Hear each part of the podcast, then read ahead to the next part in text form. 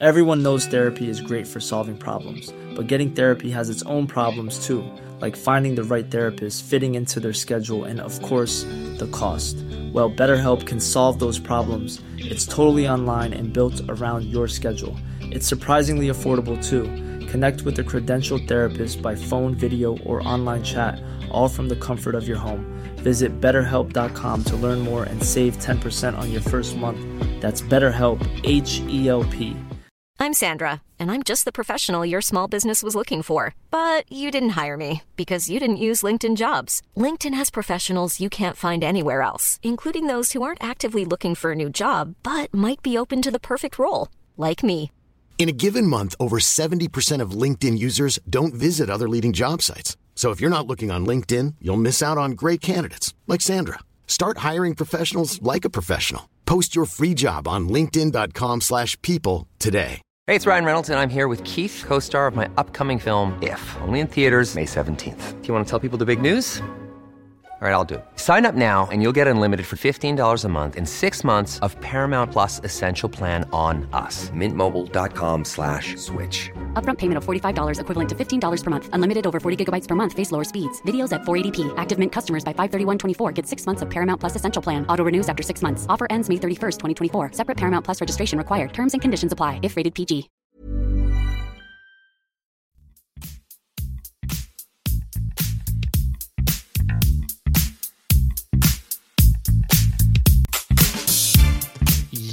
Da er det like før det er julaften. Juleferien har sikkert begynt for eh, en del, for de som har tatt seg fri eh, fra fredagsjobbinga i morgen. Eh, Vi er klar med episode nummer seks, som da er en spesialepisode. Vi skal ha del nummer to med Johannes Høstflot Klæbo. Og Hans Christer, det var imponerende det han drev på med på hjemmebane under prøve-EM i helga som var. Ja, det var det. Han, øh, han er best i alt. Uh, han viste jo, han har vist de siste årene at når han er i form, så er han øh, ikke bare best i sprint, han er også best på distanse. Uh, at han vinner sprinten overrasker meg ikke så mye. At han vinner klassisken uh, overrasker meg heller ikke. Ti klassisk passer han bra. Men Mm. det han gjør på den uh, skiatlonen, Eh, det var imponerende. Fordi eh, han, eh, han er jo med framme der på klassisk-biten. eh, er med på å holde oppe farten. Og på, eh, på skaten så For meg så virker det som at det er han som er sterkest. Eh, ikke bare flatt og nedover, men også oppover. At han nesten bare Mm. leker med konkurrentene. At han bare han går egentlig bare og venter på eh, når kan jeg, når kan jeg dra til, liksom. Eh, ja. så det er eh, ja, veldig sterkt. Jeg tror jo han er Han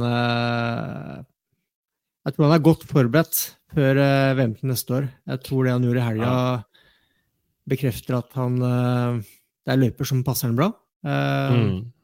Og uh, lykke til, de som skal uh, slå Johannes i VM neste år.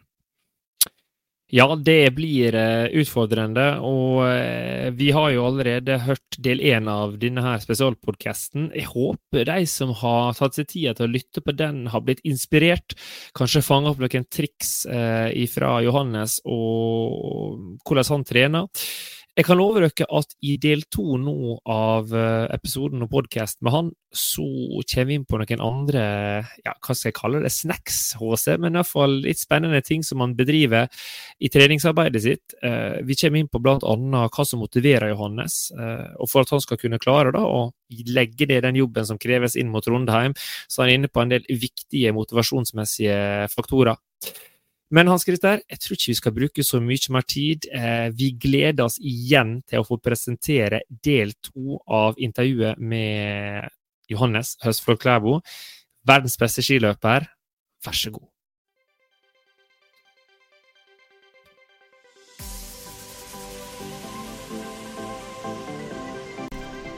Ja, nå eh, føler jeg at vi begynner virkelig å komme inn i materien her på hvem Johannes er. Eh, Jeg er så fascinert over det du forteller her, Johannes. Eh, Og Du prata om like før den pausen vi hadde nå, om det her med næring og hvor mye du har lært av den kompetansen. Jeg oppfatter jo det som en som er på jakt hele tida på å bli en bedre versjon av deg sjøl.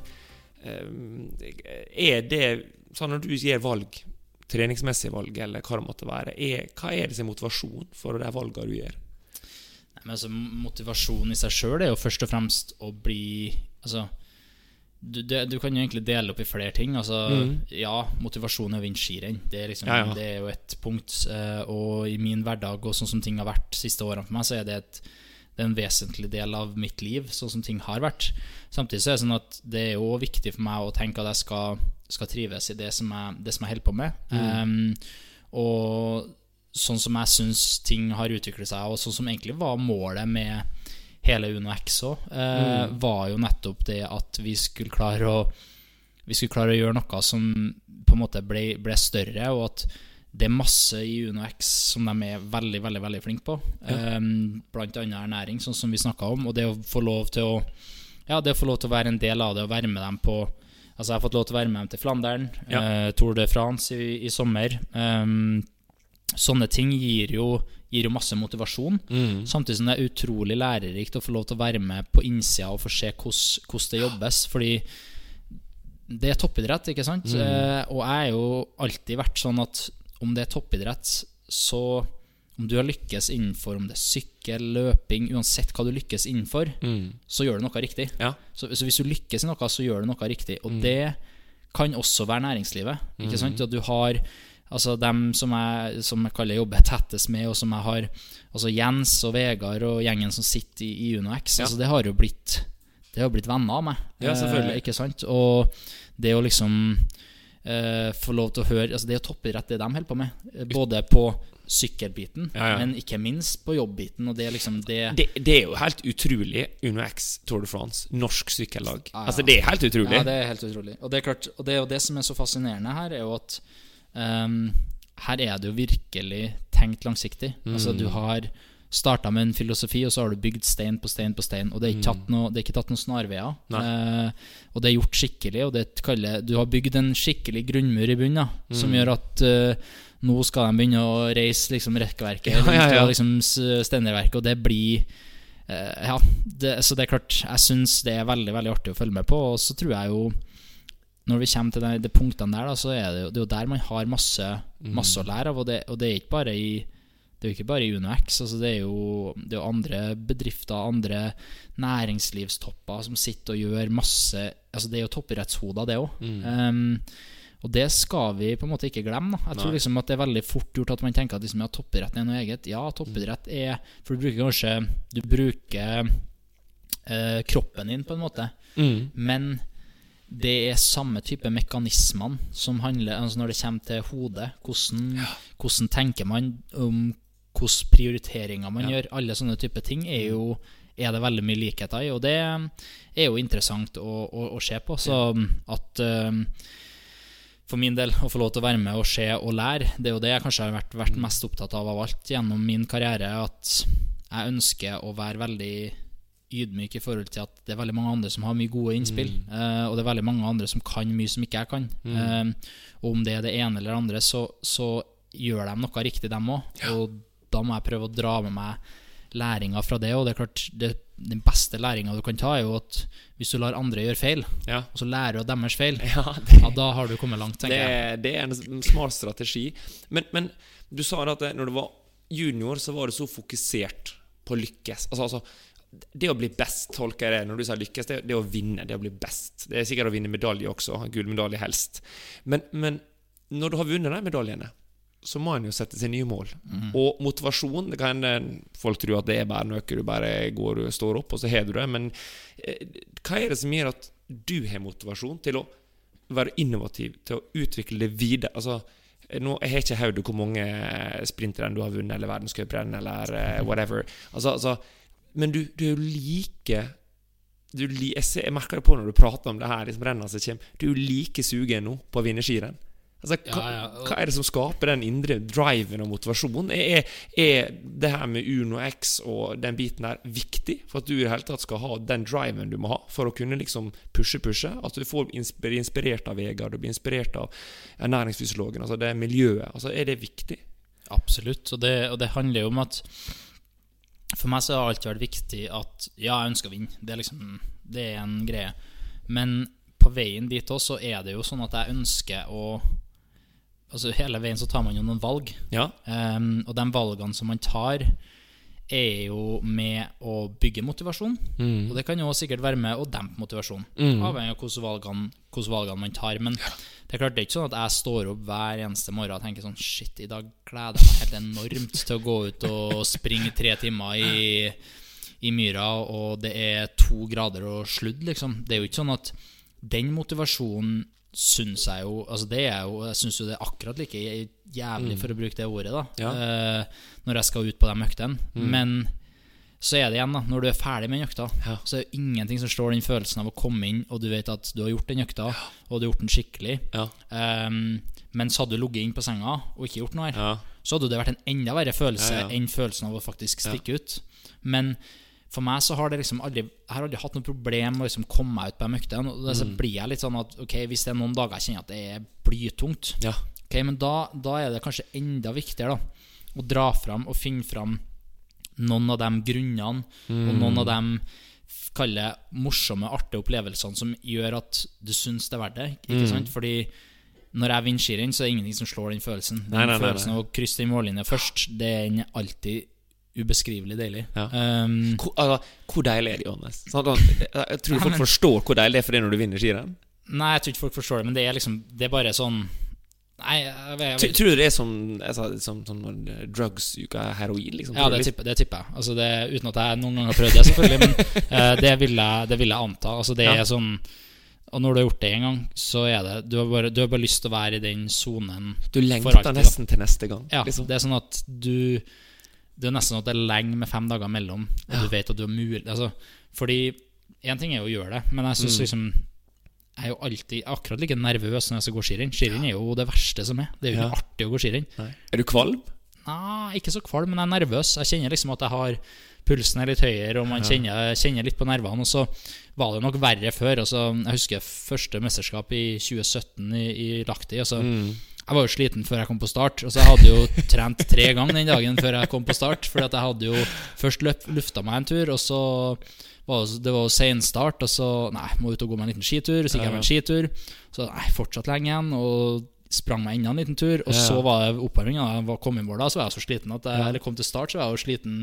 For jeg hadde lufta meg tre ganger. Sånn at jeg tror det, man, det, det der lærer man jo litt etter hvert. Eh, jeg er nok litt roligere nå enn hva jeg var for eh, For fem, seks, sju år siden. Men eh, igjen, det er den følelsen av vindskirenn, den er avhengighetsskapende. den. Ja, det, det, det kan jeg faktisk eh, tro på. og Det tror jeg må være det verste den dagen dere legger opp og vite at den følelsen der, den får jeg ikke igjen, altså.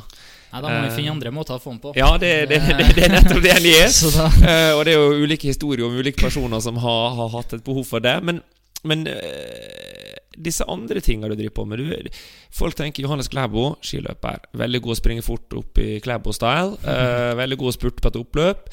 Um, men, men, men du er jo ekstremt kreativ. Du er en av de første i Norge som idrettsutøvere, i hvert fall, som begynte med vlogging, som da er videologging, for de som ikke veit hva det er. Du har en bror som er kreativ, Ola, eh, som jeg vet har gjort mye jobb i forhold til redigering og sånt. Men, eh, og, nå har du jo laga eget klesmerke, si. Det er jo i samarbeid med Craft, men det er jo en egen kolleksjon-line, og du har Hyfs, som er et hårprodukt. Eh, Jeg vet du har vært modell og jobba litt med forskjellige sånne her dresser og litt sånn bekledning. Altså, du, du har mange baller i lufta. Det, det, det virker som det er viktig for den delen der også. Ikke kun det skibiten, men å ha noe annet også på en måte å drive på med som inspirerer og, og inn- altså, entreprenørskapen, da. Absolutt. Jeg tror For meg så har det alltid vært viktig. Jeg, altså, jeg begynte, altså, når jeg begynte som gikk fra junior til senior, så begynte jeg på skolen. Altså, det var det første jeg gjorde. Eh, og så vant jeg på Beitostølen første år som senior, og Ja. da fant jeg det, da slapp jeg å ta eksamen det, den, den høsten. Uh, men jeg husker jo det første jeg gjorde når jeg kom hjem fra OL i, i Pyeongchang, var jo at jeg begynte å lese eksamen igjen. Eh, sånn at jeg har jo på en måte hele tida prøvd å tenke at det kommer en tid etter skikarrieren. Ja, hva det- leser Johannes Klæbo på skolen? Altså, jeg, gikk, jeg begynte på økonomi og administrasjon på gamle Handelshøyskolen på NTNU. Eh, og så tok jeg vel Jeg har kanskje gått et halvt år til sammen. Har, det tok jo, jo lang, tok jo lang tid. Eh, og det er kanskje det som var mest demotiverende der òg, at jeg følte at jeg hadde så lite progresjon. Um, og det ble veldig lite jevn lesing. Det ble veldig sånn skippertaksløsning, og det er ikke jeg så fan av. Um, og så har jeg liksom begynt etter hvert som jeg har blitt eldre og fått komme inn og fått vært med og sett, og bare det at vi starta Hufs, f.eks. Jeg føler jo at det er jo å kalle det mer livets skole, mm. og føler at jeg har lært veldig mye av de tingene som jeg egentlig kunne tenkt meg å lært på skolen, Ja. eh, har jeg òg lært, lært der. Um, og, så, tror jeg det er viktig å tenke at liksom det du skal være skiløper, og det er jo definitivt det som opptar meg 98 av tida. Eh, men så har jeg kanskje 2 da, hvor jeg liker å holde på med, med andre ting. Og, på sommeren og sånn? Da, da gjør jeg den jobben jeg skal gjøre på treningsmessig, og er, er nøye på det. Men det er klart, jeg syns det er artig å, å stikke innom om det er Hufs, eller om det Altså, videoblogginga til meg og broderen var jo Målet med det var jo rett og slett bare at jeg husker når jeg var ung, at jeg det artigste programmet jeg så bare det som jeg syntes var kulest, var jo Sirkus Northug. Det husker Ja. jeg liksom, det tenkte jeg sånn det- jeg var, det synes jeg var helt rått. Det husker jeg for rått. Og så tenkte jeg sånn Men det her må kunne gjøres lettere. Altså det er sånn Mm.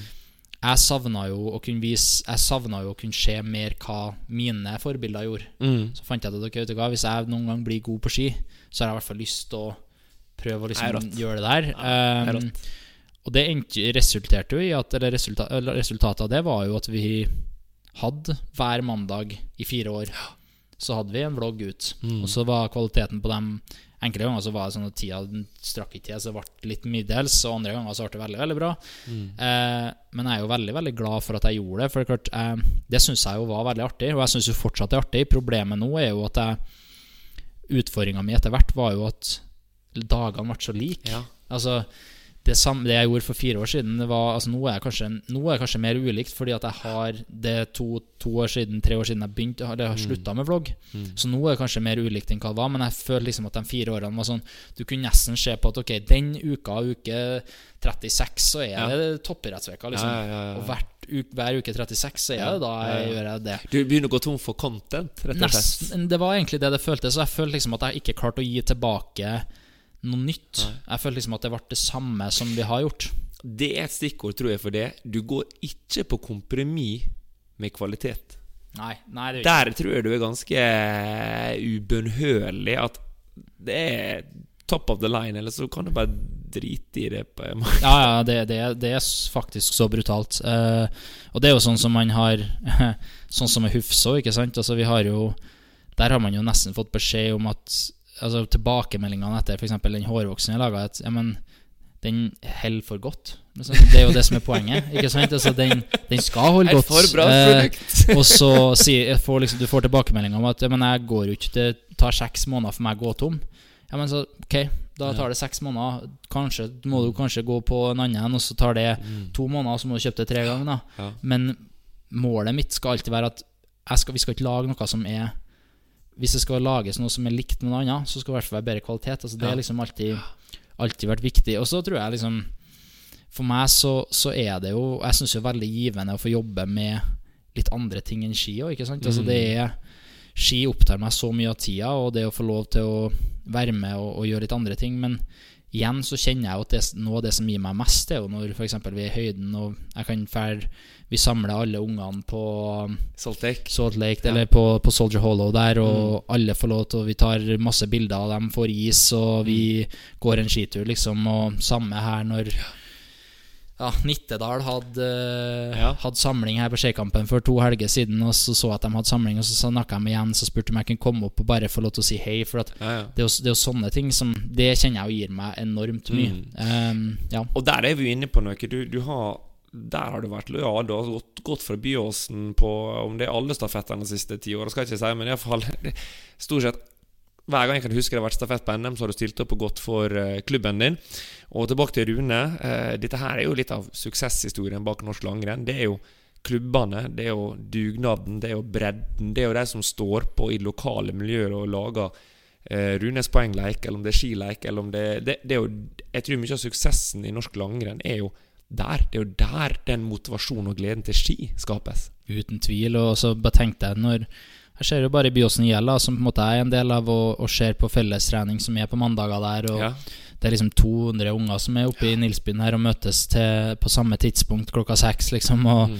Um, jeg husker jo, vi har jo starta en sånn på julaften. Kanskje det jeg syns er kjipest med å ha blitt god og skal til høyden, er jo at jeg går glipp av juleintervallet med Byåsen Gjell, som, Ja. jeg- som vi starta for noen år siden, hvor det var, det var meg og én til, og så har det liksom balla på seg, og klokka seks hver julaften, liksom. Så klokka fire så står eh, de to løypekjørerne opp og kjører løypa til oss, og så klokka seks så møtes vi, og da er det alle kalde juniorer og seniorer som vil komme, og så er det fellesintervall, og så klokka åtte når vi er ferdig, så kommer 13, 14 og 15, 16 Ja. på plass, og det er jo sånne der ting som er med å skape et lokalt engasjement, og som er med å skape en glede hos, hos utøverne. Altså, eh, jeg, mener det er et veldig godt eksempel på hvordan min juniortid var. At jeg husker det artigste helgen jeg hadde, det var når jeg var på Norgescup. Ja. Da var, bodde jeg med klubben, Ja. og da var min beste kompis Han var i klubben sammen med meg. Ja. Og det eneste vi gjorde på, på kveldene når vi skulle spille, springe kveldsjogg, som liksom er det, liksom det greia folk gjør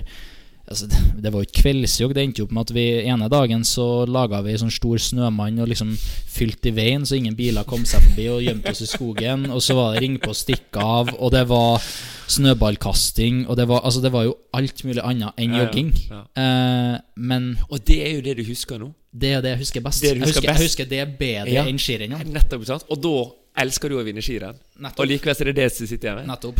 Så jeg, jeg husker jo Jeg husker jo heller Altså når vi Det var et skirenn på, på Lygna, Ja. men jeg husker ikke hvordan skirennet gikk. Nei. Men jeg husker veldig godt hvor vi bodde, Ja. og hvor eh, vi holdt på å kødde med, med snøballer og snømenn og alt mulig rart. Ja, ja. Nei, det er mm, Det er Jeg, jeg er så enig med deg. Og det, der er jo um, Lyn ski som er min klubb. Uh, nå har vi hatt noen en del dueller i senior uh, enn opp igjennom, men, men det er noen annen historie. Men, men det der med bredden, frivilligheten, det med aktivitet, det er det tror jeg, jeg tror det er hele hemmeligheten hvorfor vi er så sabla gode i mange idretter i Norge, men også spesielt i langrenn. Fordi der er så utrolig mye bra lokalmiljøer. Ja, og så er det jo, det er jo, det er jo folk som står opp eh, Om det er skirenn og det skal arrangeres skirenn, så er det noen som står parkeringsvakt, noen har eh, holdt på og stått på dagen før og bakt kake som selges på, og pengene går tilbake til, liksom, til klubben og, og alle de tingene der. Den dugnadsjobben som gjøres på, på de lokale arenaene. Altså dem vi er så avhengige av dem, og det er jo det som er veldig Det, det er viktig at de òg får nok skryt, fordi Ja, de det er fortjener, de fortjener enormt mye skryt. Jeg føler ikke det kommer godt nok fram, generelt, vil jeg si. Jeg synes det er liksom Hva er grunnen til at vi er så gode? Og så blir det trukket fram en trener eller et eller annet sånt. Ja, selvfølgelig er den treneren eller han fysioterapeuten eller whatever viktig, men, men det har jo blitt gjort en del jobb før han eller hun ble så god at de kom inn på der, der han treneren eller hun der fysioterapeuten eller hva det måtte være var på. Så jeg, jeg er i hvert fall Jeg er så enig med akkurat at det, det punktet her, da. Ja, altså, jeg, jeg er 100 sikker på at jeg hadde ikke vært den skiløperen jeg er i dag hvis det ikke hadde vært for at jeg hadde en klubb som man følte en sånn tilhørighet til, og hvor man gleda seg enormt til å dra på trening hver eneste dag.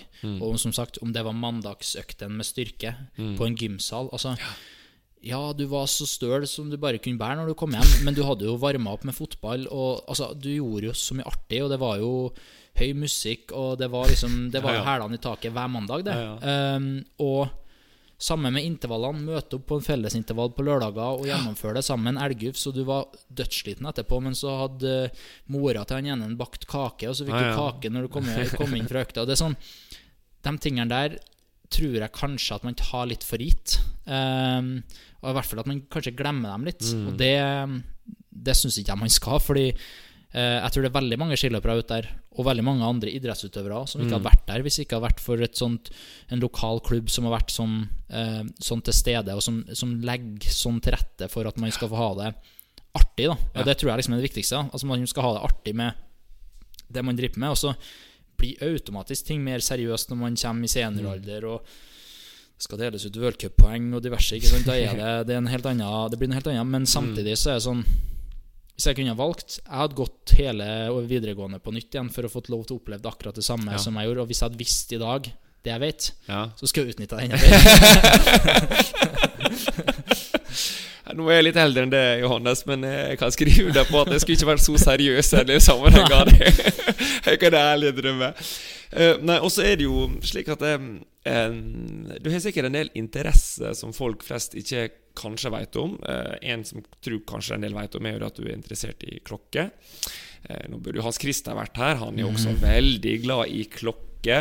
Eh, Men hvor har den interessen kommet fra? Er det bare du sjøl som har fått det gradvis? Er det gjennom kompiser, eller hvordan har den kommet? Altså, den har vel egentlig kommet litt sånn gradvis. Jeg husker liksom vi har Vi har jo Det har vært på Jeg og Hans Christer har snakka mye klokka opp gjennom på, Ja. på langturer når vi har hatt fellessamlinger, og, og det er jo sånn Jeg syns jo det er en ja, det det jeg synes det er fascinerende, og så er det jo litt sånn for meg så det, Jeg syns det er litt artig. Jeg fikk, eh, husker jeg fikk min første klokke av min tante til Mm. konfirmasjonen. Um, og den står det liksom rissa inn konfirmasjonsdatoen, og det var en, Ja. det var en skikkelig klokke. Hva er, jeg hva er det du sier? Kan du avsløre hva skikkelig klokke betyr? ja, det var en Tag Hoier, og det syns Å, jeg var, det var en helt enorm gave. Ja, ja, ja, merke. Det syns jeg var en helt enorm gave. Så den, Mm. det er jo, den står liksom, ligger jo Ja. liksom i klokkeskrinet i dag, og, den, Ja, ja. Det, og det er liksom kanskje der På den, det tidspunktet så tenkte jeg sånn Åh, gi meg penger, da. Det var Ja, liksom ja, ja, det alle, ville, ja, ja, ja. alle ville ha penger. Uh,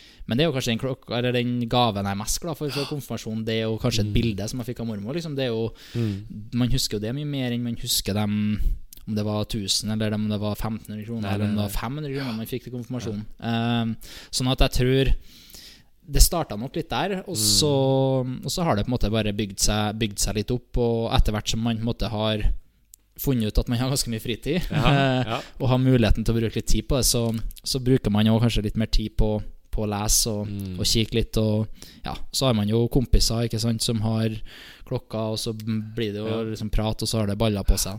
Men, men eh, du sier fritid. Altså, eh, en annen ting jeg vet at du bruker litt tid på på fritid, er jo gaming. Eh, Og hva er, hvis du skal nevne toppaktivitet, eller toppgamingspill akkurat per eh, dags dato, hva er det? Per dags dato, så siste, siste eh, ukene så har vi nå spilt uh, kommet tilbake til gode gamle Fortnite igjen. Fortnite, ja. Eh, og det har jo har ikke vi sikkert spilt på tre år, og så har det Vi? kommet Hva det betyr Er det en vennegjeng? Ja, det er en vennegjeng. Altså, en LAN-gjeng? Det, ja, det er nesten det, det skal sies, da. Altså, du ser ikke meg logge på PlayStation og spille alene.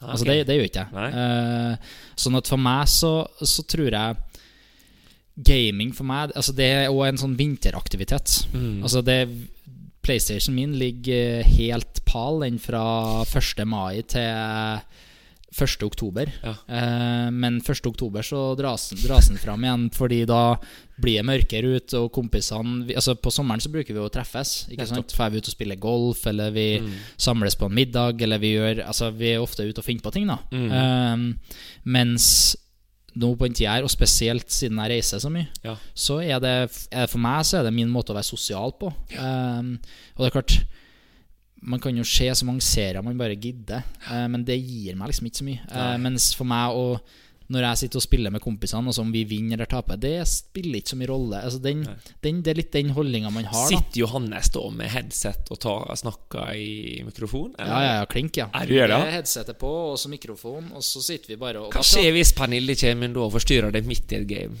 Nei, da må jeg vente. så da må jeg stille seg bak køa og vente. Men, eh, nei, men eh, det, det, der, skal, der skal sies jeg har vært veldig heldig. Der er Pernille veldig, veldig grei. Og jeg tror hun ser at jeg syns det er artig, eh, og at jeg setter pris på liksom den kalde sosiale tida sammen med kompiser. Um, for det er jo kanskje Det er jo en utfordring når man er skiløper, Altså spesielt kanskje når man er ute og reiser mye, eh, og det blir mye hoteller og liksom hotellrom og, og diverse, så, så liker, jeg, liker jeg veldig godt å liksom bruke hvert fall mandag Som regel så er det jo mandag, tirsdag, onsdag da man spiller, og så ligger PlayStation igjen hjem, og så drar man på skirenn, og så kommer man tilbake og logger på på, på mandag. Men eh, jeg tror liksom det er For meg har det vært viktig som som en sosial greie overfor mine kompiser å få lov til å holde den, holde den kontakten. Og det er klart det prates om alt mulig. Altså om, altså De har jo kanskje vært ute da, den helga. Ja. Da er det jo masse, og Ja, ja, da får jo jeg sitte og høre på ja, ja, ja. Så jeg lever jo livet mitt gjennom dem. Ja, det-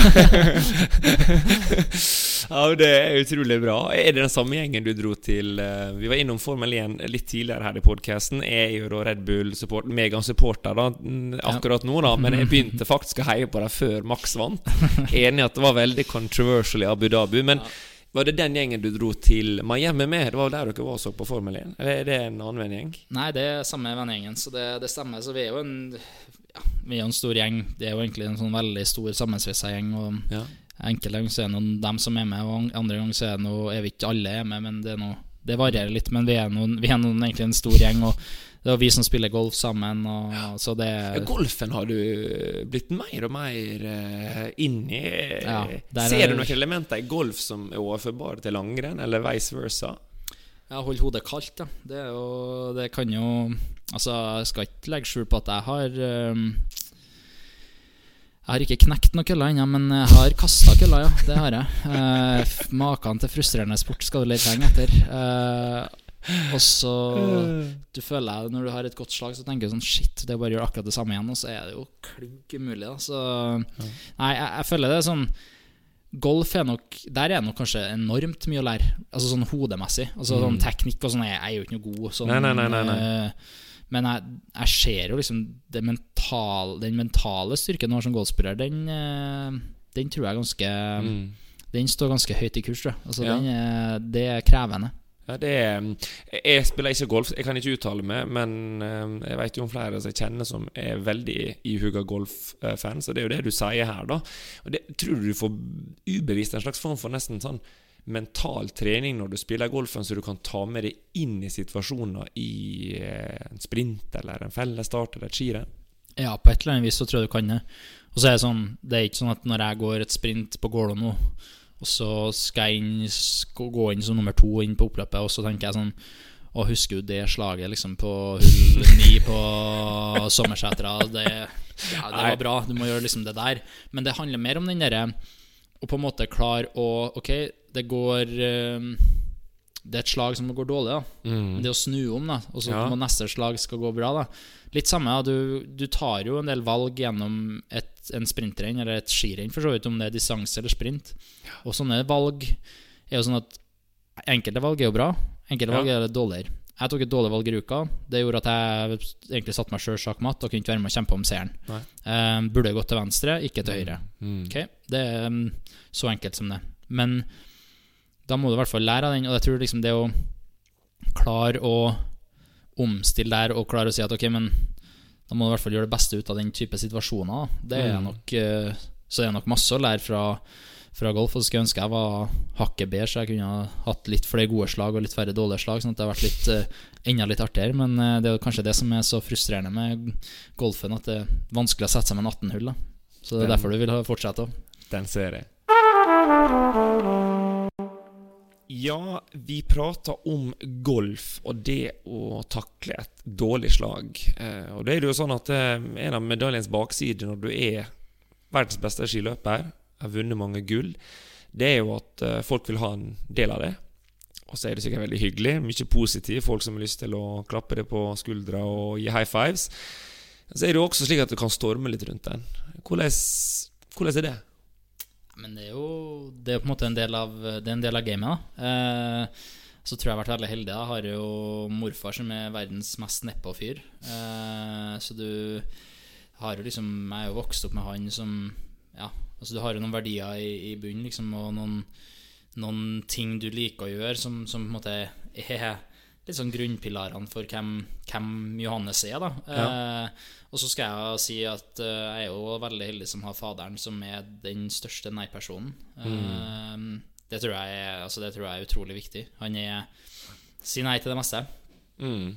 Og så tror jeg liksom han er nødt til å klare å eh, På starten så, så sleit jeg nok mer med akkurat det der. Jeg synes det var Jeg brukte nok mer energi på å kalle det utenomsportslige ting enn enn hva jeg gjør nå. Nå så har jeg liksom blitt såpass trygg på hvem jeg er, og jeg, hva, jeg, hva jeg står for. Eh, og så og så tror jeg på en måte det er med å prege litt av hvilke valg jeg tar òg. Um, så, så jeg føler nå så har jeg vel lært meg å stenge ting relativt bra ut. Um, samtidig Hvordan som er, hvordan er det at folk skal ha så mye meninger? Altså Ofte føler jeg liksom at du Altså Folk har mye meninger om det.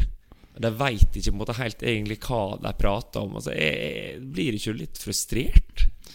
Jeg ble, jeg, ble, jeg ble nok mer frustrert før. Okay. Eh, og da, da tenkte jeg liksom over det, og så husker jeg snakka med faderen. Ja, hva, men hva hvis folk tenker sånn og sånn? Men så har jeg kommet dit på et eller annet punkt, og ikke spør meg hvordan, men jeg har kommet dit at eh, Og det er egentlig et veldig kjedelig svar, dessverre, men, Ja, ja. men, men folk skal få mene akkurat hva de vil. Um, Du står godt i det. jeg, jeg står Jeg vet på en måte hvem jeg er, og jeg har mine kompiser, mine venner og dem rundt meg som, som jeg på en måte kjenner godt, og som kjenner meg godt, og som vet hva jeg står for.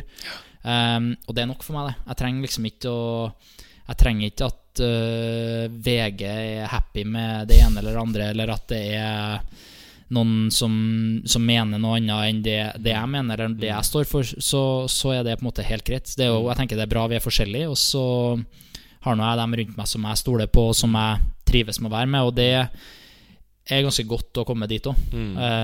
sånn i forhold til at man kanskje mer tidligere brukt mer tid på liksom sånn Å, shit, hva tenker jeg om jeg gjør ditt, og hva om jeg gjør datt, og var mye mer kalle redd for hva folk mente og, uh, og sa, men mens nå så har man kommet dit at det spiller Det er ikke så farlig for det, sant? Men tror ikke du at det, når du eh, Du er jo en veldig reflektert herremann.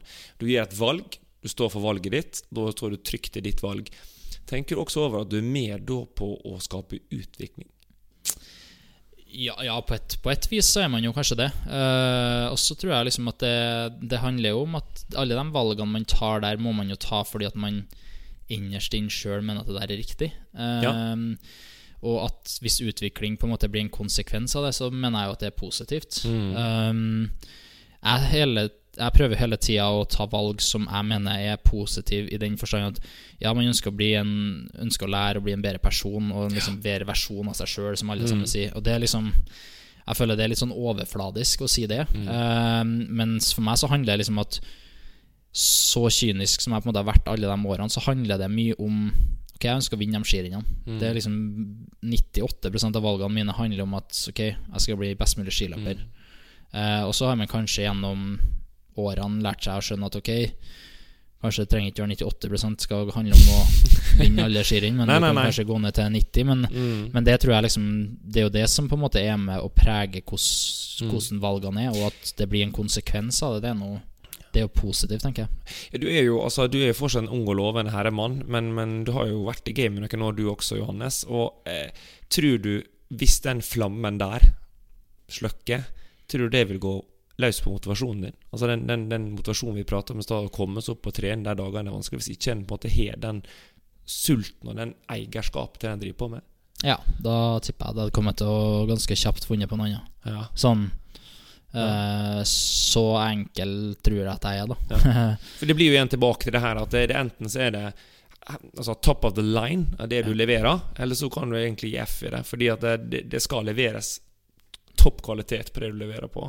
Eh, og igjen da, liksom, har du tenkt over liksom, Tenker du OL 2026, eller tenker du er det blir i hvert fall til 2030, eller hvor langt perspektiv har du på det du driver på med nå? Sånn langrennsmessig, da, merke. Nei, men jeg har jo Altså, det der er jo et godt spørsmål, men så lenge liksom jeg har en kropp og et hode som fungerer, så ingen tvil om at VM i 25 er liksom det store. Mm. Um, så kommer det jo selvfølgelig et OL i 26 som er, er fristende, og som er spennende òg. Ja. men så kommer det jo et VM i 27 i Falun. ja. Da har du tre ganske gode mesterskap der, da. Eh, Og så kommer det kanskje noe i USA eh, et mesterskap. Eh, Du er jo den, redd. litt andre heim, nærmest. Ja, jeg er litt redd, eller litt redd det kommer i 2034, da. Ja. Da Hvis du tenker ti år fram i tid, da tror jeg at jeg er på Da Spør du fruen, så håper jeg at jeg tror jeg hun håper jeg holdt med noe annet. det tror jeg. Det, det, det kan være. Vi, vi får se. Eh, Det kan skje mye i løpet av ti år, eh, Ja. både med langrenn og med det, og interesse og motivasjon. Eh, Bare litt tilbake til eh, treninga. Nå hopper jeg litt sånn tilbake, men jeg bare kom til å tenke på det nå når vi prater om USA, eller jeg sa USA. Når du drar til USA for å være i høgden, er det også en viktig del for det som går på motivasjon? Altså Du kunne dratt til høgden eller Vinjo eller dratt til noe som er nærmere, eller er det bare Jo, jeg, jeg kunne jo det. Uh, men så for jeg til USA for to år siden. Uh, eller første gang i fjor, da. Ja. Og da fant jeg ut at her skal jeg tilbake. Altså Mm. Det kommer til å bli fast. Ja, ja, ja. Eh, og det, det handler liksom mer om at det er Altså Det handler mer om at det er en veldig fin plass å trene. Altså Ja, det er klart du kan gjøre så mye av samme i Livigno, du kan sikkert gjøre mye av samme Yes. i Lavassé og alt det der, men totalpakken av det jeg får der, mm, og når jeg syns det var så bra som det var, så mm, så syns jeg totalpakken er bedre. da mm. um, Og så er jo utfordringa at det er liksom Det er jo en del tidsforskjell. Ja. Eh, det er jo med å på en måte sette en, en utfordring på ting. Men samtidig, når du skal dit i august-september, så, så har du på en måte litt mer ehm, Du har litt mer tid da på den eh, åtte timers eh, tidsforskjellen. Og på et eller annet vis så er det bare Jeg syns bare godt å komme seg litt bort. Ja. Eh, været er helt enormt. Det er Mm. fint vær. Eh, og så er det det er ingen som vet hva rulleski eller ski er der. da Det er jo liksom, Du kan jo gjøre akkurat hva du vil. Og Ja. Eneste utfordringa et par plasser er liksom at du holder på å bli angrepet av hund liksom et par ganger. Ellers er det liksom generelt lite å klage på. Men eh, hvis vi går, går tilbake til den perioden vi snakker om her nå, om høsten Vi skal trene ca. 1000 treningstimer. Vi skal noen dager i høgden, rundt fire uker, hvis jeg har lest riktig. Hva- Hvordan ser ei hard uke ut for Johannes? Hvor mange timer trener du da? Nei, Da trener jeg sikkert 28-30 timer, tenker jeg. 28-30 timer. Og rask matematikk det er at det er rundt fire timer om dagen, cirka, Ja. give or take. Og av de, hvor mange er intervaller av de øktene da? Det er kanskje 14 økter, da? Altså to økter om dagen, sju dager i veka. Ja, det er ganske standard. Eh, to til tre halvøkter i uka. Litt To- sånn avhengig av eh, Altså, noen eh, blir nå tre, og noen blir to. Mm. Eh, men i snitt to og en halv, sikkert. Ja, ja, og er varigheten på intervallene hvis du er terskel, så er vi opp mot 90 minutter, eller er du aldri over en time? Nei, da er det en time, ja, stort sett. Ja, Så det er en time. 6 ganger 10, 3 ganger 20, 4 ganger 15. ja. Har du noen tanker rundt om terskeldraget skal være 10 minutter eller 20 minutter? Han skriver det veldig sånn her at nei, hvis du går rundt der 8 minutter, det er jo, det er jo nesten bortkasta. Det må jo gå i hvert fall 15 minutter hvis du skal eh, munne, da. Eh, Nei, altså intervallet intervall her for litt siden var nå Altså første intervallet jeg hadde etter covid, var seks ganger åtte. Eh, I tre, da. Uh, Ja, er det i tre da, eller går du litt på feeling? At Stikker du liksom Nei, da, da stakk jeg. Ja. Så da, men da altså igjen, da klarte jeg ikke å altså, Det var så kaldt og alt sånt, altså, da målte jeg jo ikke høyere enn 2,7, liksom. Men igjen, altså, det er liksom Jeg, jeg, jeg stikker nok en del, uh, bare for å ha vite at jeg har litt kontroll. Spesielt etter eh, Spesielt etter sykdom, og i Mm. høyden, ikke minst. Men eh, jeg, kan vari- jeg, jeg liker å variere på intervaller. Altså Jeg kan ha intervalldrag som er en halvtime, eh, Mm. intervalldrag som er en time. Mm. Så bare gå kontinuerlig en time. Mm. Eh, men jeg syns òg du skal Altså, i dagens langrenn, ja, det vi holder på med, så, så handler det mye om fart. Eh, så vi er nødt til å treffe på liksom en Du er nødt til å treffe på en, en viss fart òg. Så jeg kan jo ha en sju ganger åtte-intervall med åtteminuttsdrag som, som på en måte kanskje er ikke er på 2-7-2-8 i laktat, men som er på 3-8, 3-9 i laktat. Eh, Nesten konkurransetempo light, da, på en måte? ja, litt, altså, litt, eh, litt lettere, kanskje. Altså, du går Ja. nok hardere på et skirenn og pusher nok spesielt i bakkene, men du kan på en måte ha Du kan øke farten litt da på en 8 minutter enn det du kan på en 20 minutter. Ikke sant? Ja, ja, ja, ja. Begrensa på hva du kan gjøre. Og så har vi jo lest i media om disse her, eller iallfall i vloggen, ikke media. I vloggen din så er du innom denne nitimersdagen, tre timer pluss tre. Hvor ofte gjør du sånne Jeg kaller det stunt. Altså Hvor ofte trener du en sånn økt som er så lang som det der? Nei, jeg har som regel ei uke i året på Ja. sommeren. Um, så, så hadde jeg Det ene året var vel den 40 timer da på seks dager, Mm. um, med to intervaller. Så da er det jo på en måte Det var en ni timers løpetur. Sykla seks timer, så intervall, og så sykla hjem igjen. Så det er noe sånn, Du har noen sånne ekstremdager, selvfølgelig, men det er jo mer for å bare få lov til å bryte ned kroppen skikkelig. Mm. Uh, ofte så har jeg hatt dem i kalde forbindelse med at jeg tar ferie. Sånn at okay, jeg har liksom på en måte Ok, jeg skal på ferie om ei uke. Nå Ja. trener meg liksom i senk. Eh, og så tar jeg ferie, og da kan jeg liksom ta ferie med Mm. god samvittighet og, og kjenne at jeg den ferieuka kan jeg bruke til å si springe en time om dagen og litt styrke, og så kan jeg liksom kjenne at kroppen bygger seg sakte, men sikkert opp igjen. Da. For du bryter jo ned når du trener 40 timer på uke, så, eller på seks dager, så bryter du jo ned ganske, ganske mye. da Mm. Men, men hvis en tenker da at 1000 timer er jo raskt regna i hodet her rundt 80 timer i måneden ca., men da antar jeg at det er noen måneder du trener litt mer. Hva, hva er liksom det høyeste timeantallet du har hvis du tenker i løpet av treningsåret? Jeg ligger på rundt 100 timer. Rundt 100 timer. Ja. Og så, da ble jeg litt sånn Da ble liksom fysiologen i meg veldig nysgjerrig her, da. Fordi du sa som eldre junior trente du rundt 900 timer. Nå trener du rundt 1000 timer. Det er bare 10 høyere. Mhm. Så er stikkordet her egentlig kontinuitet? Ja, altså det, men det føler jeg jo i alt. da Jeg føler du blir god på det du trener på. Ja. Eh, og har du mye avbrekk, så blir det mye kluss. Ja. Eh, så du må trene jevnt. Så det, det er jo på en måte min filosofi, at du skal, du skal holde det gående. Mm. Eh, og så er det sånn, ja, jeg kunne sikkert testa og trent 1200 timer, men sånn som greia er jo at jeg trente som junior, så jeg trente kanskje høyt 800, lavt 900 da, Mm. siste års junior. Um, og så har jeg på en måte bygd meg opp sånn at jeg tåler, si, tusen, jeg tåler 1000 da. Men Mm. nå er det jo 1000 inkludert høyde. Ja, og det er jo en X-faktor er her. en faktor. Ja. Eh, og i fjor, ta, ta fjoråret, da, så har jeg 266 reisedøgn. Mm, Da har du 99 dager igjen, da. mm, Det er klart eh, Hadde jeg bare skulle vært i Trondheim, eller si kun vært på Skjekampen her, da. ja, Så den vinteren jeg trente mest, er jo 2021, når det var covid. ja, Da lå jeg jo her eh, tre måneder, eller Mm. to og en halv, bare et par uker hjemom. ja, ja, Um, og klart, to timer trening fra døra her, det tar to timer trening. ja. To timer fra Trondheim, da må jeg kjøre ti minutter på ski. Skal jeg gå to timer, skal jeg kjøre to timer, ti Mm. minutter hjem igjen, da tar den, den økta tar to og en halv time. Ikke sant? Ikke sant, sånn at du Det er jo helt avhengig av totalbelastning. Sånn at du Det er jo ingen problem Du hadde sikkert lett kunnet trent 1200 timer, Ja. men da hadde du kanskje måttet tatt noen prioriteringer på hvor du er. Mm, Høyde, ikke høyde. mm, eh, plass hvor du er. Altså klart det, Sånne type ting er en faktor. Så jeg, jeg føler liksom at Én ting er å si at man trener 1000 timer, men det handler også liksom om hvor hvor kommer de 1000 timene fra, da? Og Ja. hvor gjør du dem? Um, Litt tilbake til det stikkordet. Hva er kvalitet? Det er jo vanskelig kanskje å definere, men det er jo nettopp alle disse faktorene virker som du legger inn i en slags ligning, og så på en måte ser du på slutten av kassalappen Ok, det er 1000 timer, men det er en del x-er her som må legges inn, som er kanskje vanskelig å kvantifisere. da Hvor mye det tar av energi eller koster. Det er sluttsummen på kassalappen som teller, ikke sant? Ja, Det er helt riktig. Det det er reklamen til Rema 1000, så vi har vært innom en del eh, produkt, men det er helt riktig. Det, Ja. Og det er jo det det handler om, dette her. Ja, ja. Men, men eh, når du da og morfar Kåre setter dere ned, har gjort det siden du var sikkert 12-13 år, så nå begynte dere å liksom Sikkert, uh, sikkert den alderen der. Ja. jeg. Setter dere dere ned hver vår og gjør en sånn grundig analyse av treninga, og liksom Dette er utviklingsmåla det kommende året. Er det slik hvert år, eller? Ja, det er stort sett vært sånn, ja. Han har liksom satt seg ned Han bruker litt tid først. Eh, Jeg gjør mine tanker. Han bruker litt tid og går gjennom liksom data på Mm.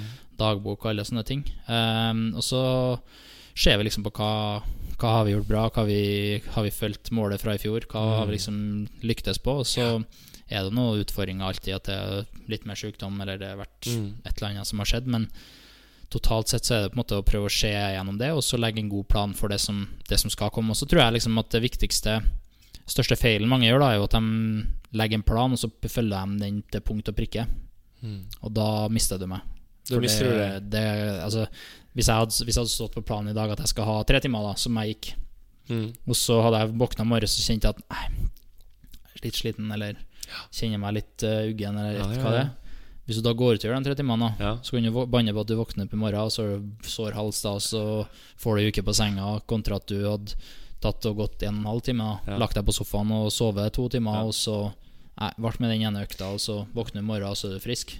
Og dette her er jo det som er magien med hvorfor de beste blir best. Dere har jo en sånn derre Hva skal jeg kalle det? En iboende på en måte feeling på dette her. En touch. En slags kunstnerisk bit i forhold til treninga deres, der dere maler et bilde med treninga, men så tilpasser dere hele tida for å optimalisere det. At det går ifra å være average til å bli extraordinary.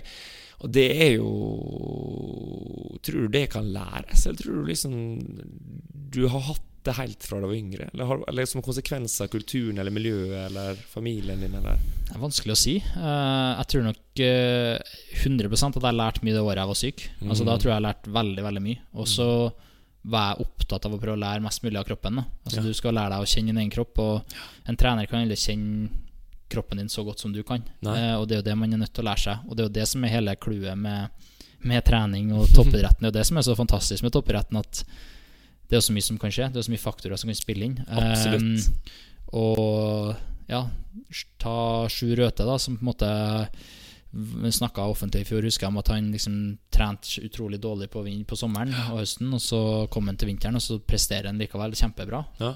Og så blir det sånn, hvordan går det an? Ja. Og så kan du ha noen andre som er sånn Ok, men du har trent steinbra og vært superpigg hele Mm. sommeren og høsten, Mm. og så kommer du på vinteren, og så gikk ikke så bra likevel, da. Nei. Så det er klart Det er det som er fantastisk med toppidretten. Det er det som er med å gjøre at den eh, noen, noen vinner, og noen taper. Og så er du tålmodig nok og jobber hardt nok over tid, så tror jeg jo du får ganske godt betalt for det. Mm. Det høres ut som veldig vise ord. Vil du si at det er motgangene som definerer deg som person, tror du? Altså det er hvordan du takler nedturer og motgang, eller er det en kombinasjon av alt? Jeg tror nok det er en kombinasjon av alt, men du må jo åpenbart takle de dagene og de periodene det går å butte imot. da Ja, ja. Uh, Og det handler jo om hvordan man takler dem som på en måte er med å bygge litt karakter. da Det Hvis du skulle reflektert nå Du får kunne å nevne ett skirenn. Det, det råeste minnet du har som skiløper, hva er det? Åh ehm, Det råeste minnet Mm. um, Jeg tror nok liksom OL, Pyeongchang, sprinten i OL. Det er sånn Det kommer jeg nok aldri til å glemme. Mm. Men så har jeg Jeg har nok hatt liksom dager hvor jeg har følt meg råere. Altså sånn Ta VM 2021, da. Femmila. Mm. Altså Angrer meg jo bittert i dag for at jeg ikke bare stakk der sammen med Emil Mm. når vi hadde muligheten. Altså sånn For så pigg var jeg den dagen. Det er litt interessant, fordi hvis det hadde vært sprint, trodde du han hadde angrepet da? Ja, da hadde jeg angrepet, ja. Ja, men Hvorfor gjør du ikke det på femmila? Nei, men jeg tror liksom grunnen til at altså, Ta det eksempelet, da. Sånn som i På den femmila så følte jeg meg Følte jeg meg såpass komfortabel og såpass pigg at her vil jeg gjøre det på oppløpet. Altså Her føler jeg liksom at Kom inn på oppløpet og, Mm. og spurte. Mm. Um, og så For jeg gjorde det samme i sprinten. Ja, ja, ja. Altså Jeg var to inn på oppløpet da òg. Um, men igjen um, Jeg hadde jo ikke gått så mange femmila. Jeg hadde aldri vært, vært med og kjempa på slutten av en femmil. Nei. Så hadde jeg jo visst det jeg vet i dag, og liksom visst at jeg enn femmila. Mm. Så hadde jeg tippa jeg og Emil hadde gått etter 40. Ja, ikke sant? Og liksom prøvd. Ja. Og jeg tror jo liksom eh, I forhold til Hans Christer og jeg og han har jo prata mye opp igjennom. Første gang han vant VM-gull i, i C-felt, når han stakk Det er litt tilfeldigheter her i- selvfølgelig i bildet. At uh, russere gikk etter, og nordmennene gikk ikke etter, fordi det var Hans Christer. Altså, det er mange ting som falt på plass den dagen. Mm. Men det er jo noe med det her at en, en tror jeg i toppidretten også bare må ta et valg. Altså Ja, ja. Go for it, da. Og det var det jeg husker den samtalen som gått på hotellet med meg og Hans Christer før den femmila. Sa faen heller, da. Skal du bare ligge der bak, sånn som du alltid gjør, da. Og så skal du prøve i tre minutter, når det er en tre kilometer, og så blir alle med inn. Da har du gitt opp, da, før start, egentlig. For det er jo ikke sånn du kommer til å vinne skirenn. Eh, og det er jo det som er litt sånn rått i forhold til idrett. At du etterpå så kan du på en måte reflektere over at 'Å, jeg burde gjort sånn'. Mm. Jeg burde sånn. Men, men jeg må jo ta valget der og da. Ja, ja, ja. Og det er jo det som er så fantastisk, da. Ja. Det er jo det som gjør at you win some, you lose some. Det er Ja. jo Ja. en del av gamet. Og nei, jeg syns det er det som er det kule som idrett, at det er så mye faktorer, så mye valg som skal tas. Mm. Um, og det er så mye som skjer som ikke folk som sitter og ser på TV-en, da, får Mm. med seg, og som ikke de vet. Altså, som på en måte er dagene i forkant, alle sånne der type ting. Og så står du der, og det er derfor det for den enkelte bare noen gang bare renner over. ikke sant? Ja, det, ja. Fordi det er så mye som har Ja. Det er så mye følelser i spill, og det er så mye energi som puttes inn i det. Og det er jo Ja, det er jo det som er så fantastisk med den sporten vi liker å holde på med, selvfølgelig. Men Mm. sånn er det jo i veldig, veldig mange andre idretter også. Ja, uten tvil. Og det blir jo nesten helt det vi starta i start med, det her med passion. Det her med hvorfor pokker jeg driver på og bruker så mye tid på dette her. Altså Du betydelig mer enn meg på trening, men det tar jo litt tid å være trener også. Ja, ja. Og, og, og det er jo en ibuende kjærlighet til, tror jeg, utvikling. Og en nysgjerrighet. Uten tvil. Jeg tror hvis du ikke har den i bunnen, så Ja, du kan jo holde på et par år, da, og så blir det å finne på noe annet, tror jeg. Ja, ja. Jeg tror du må ha den Du må ha den Du må ha den driven fra, fra bånn av for at du skal kunne, kunne holde på med det her, og, og Mm. kjenne at liksom det gir deg Ja, det gir deg en glede av å stå opp hver dag og bli, for å prøve å bli bedre. Ja. Og det så er det sånn, ja, noen dager så er det tyngre enn andre, selvfølgelig, men det er liksom majoriteten av dagene. da. Vi nærmer slutten av podkasten, men én ting vi ikke kan avslutte podkasten uten å spørre deg om, det er hva tror du er en ting nesten ingen veit om Johannes Klæbo? Som vil overraske deg stort? Eh, det er jo et veldig godt spørsmål, da. Uh, må jeg passe på at ikke jeg blir sittende og nøle for mye heller, i og med at det, Ja. det er podkast. Men uh, jeg, tror nok, jeg tror nok mye av det som på en måte er sagt her i dag, er kanskje for mange litt sånn Ikke aha-opplevelse, men jeg tror nok kanskje folk har et inntrykk av at jeg er veldig Veldig sånn Altså, jeg er jo nøye på ting, men at jeg blir liksom sånn helt eh, robot. Ja. Eh, og det tror jeg liksom Du er egentlig veldig leiken. Ja, altså det artigste altså Det er jo det som er Det er jo kanskje det jeg savner aller mest. Ja. Fra aller mest fra min juniortid og min kalle eh, nesten skulle si primetime når jeg, når jeg var på, hadde liksom artigst. Det er jo, Jeg har det veldig artig når jeg vinner skirenn, men det er liksom den, der, den leiken og det å ha det artig og så Ja, alle de type ting som det der, det, det er jo det som gir meg Ja. glede til å holde på. Og det er jo klart Jeg syns liksom du hører det at du skal Du skal liksom kunne ha du, Det er en artig som skal skje hver eneste dag, og Ja. det det syns jeg er en veldig Det er et ganske fint motto. da. Det er et kjempefint motto. Og jeg var så heldig jeg hadde en, en, en person, kall det mentor, når jeg var begynt som trener. Knut eh, Nevestad, og han, han sa til meg etter skirenn Det har gått jævla dårlig da med lynskiløperne. Og så ser han på meg og sier Hans, faen heller. Det skal jo være gøy, det her greiene her.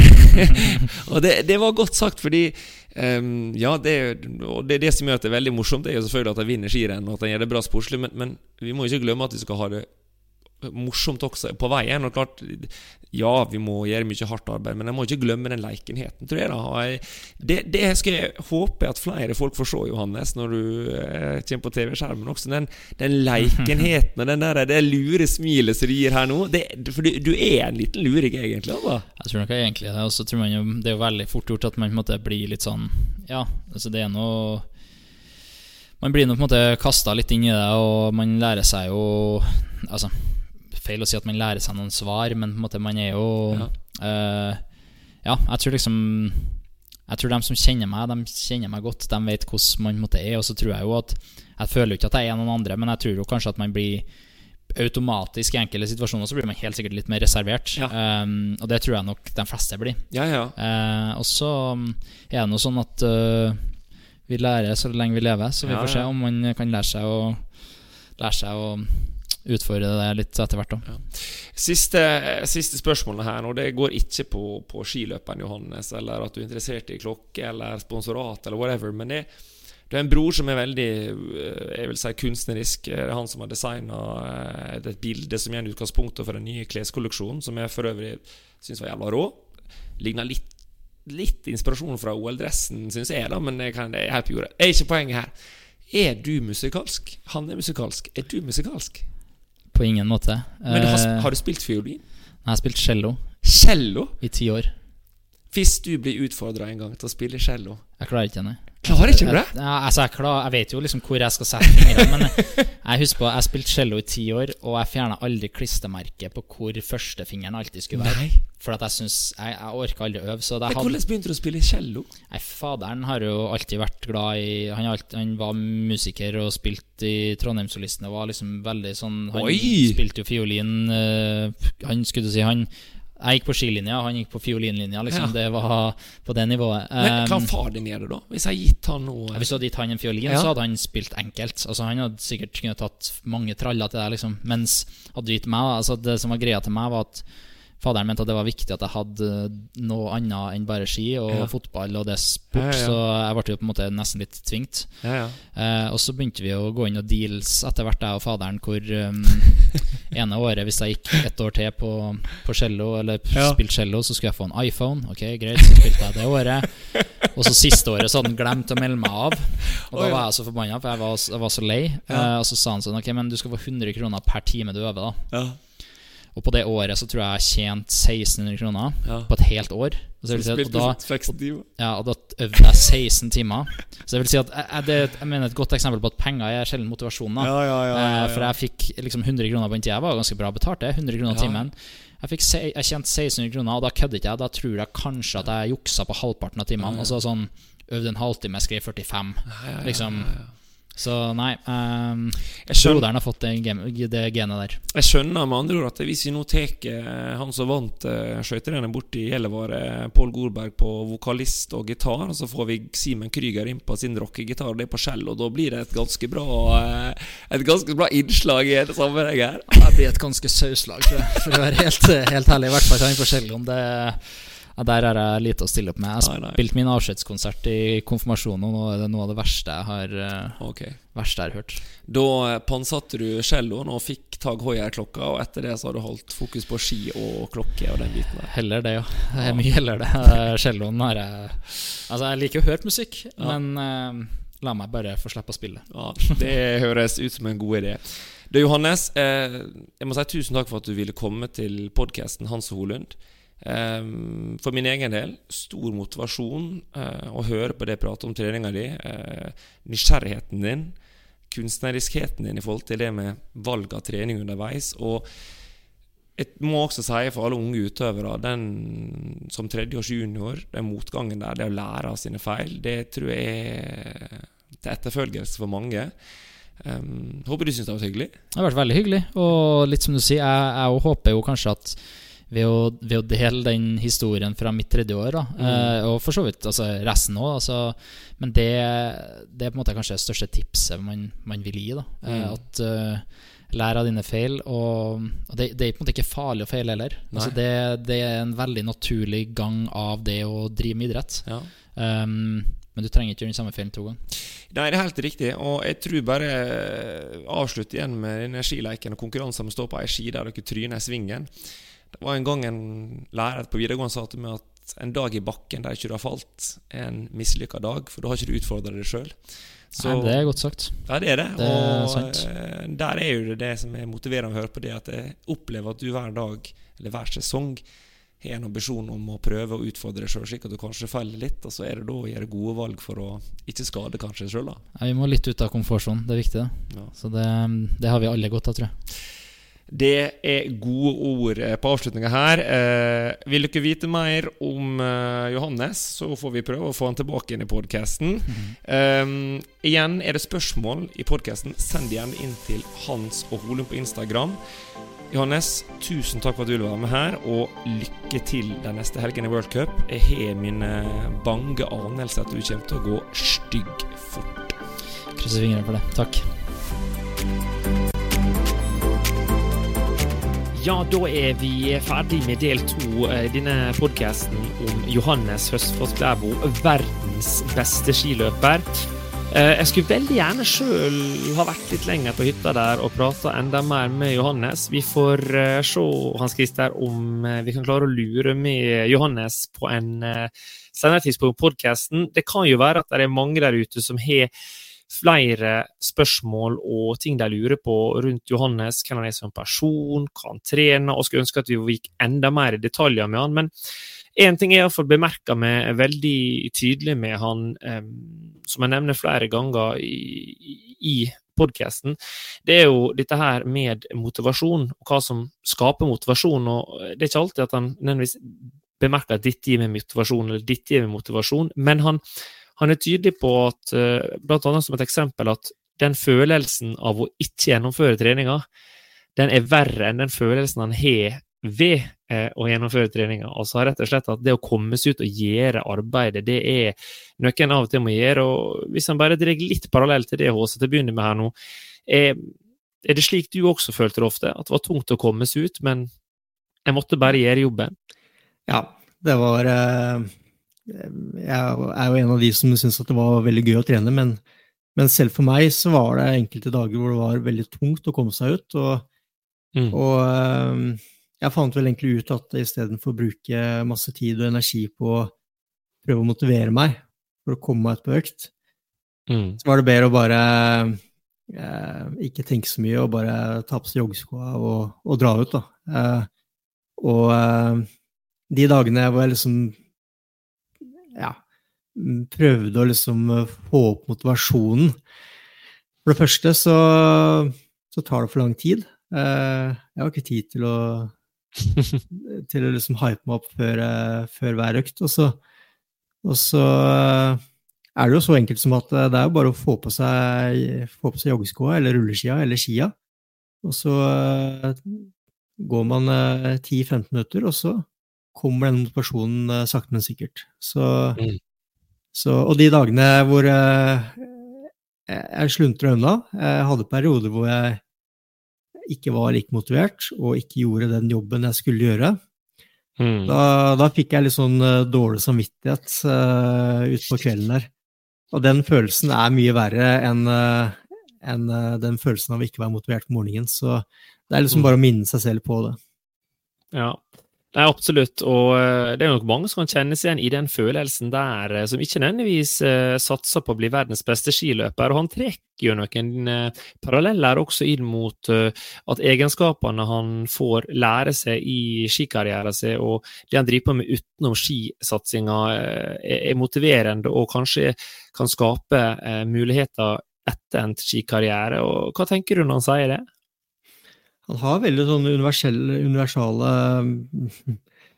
eh, tanker rundt dette her. Eh, det er akkurat mm. som at idretten bare er et springbrett eh, for å på en måte utvikle seg da, og bli bedre. Eh, og at mm. det han lærer gjennom å være toppidrettsutøver, er også egenskaper han kan eh, ta med seg inn i næringslivet senere, og, og som han allerede har tatt med seg inn i næringslivet. Eh, han snakker om at han har blitt veldig godt kjent med ledelsen i UnoX, og, og ser mange paralleller, da. Uh, mm.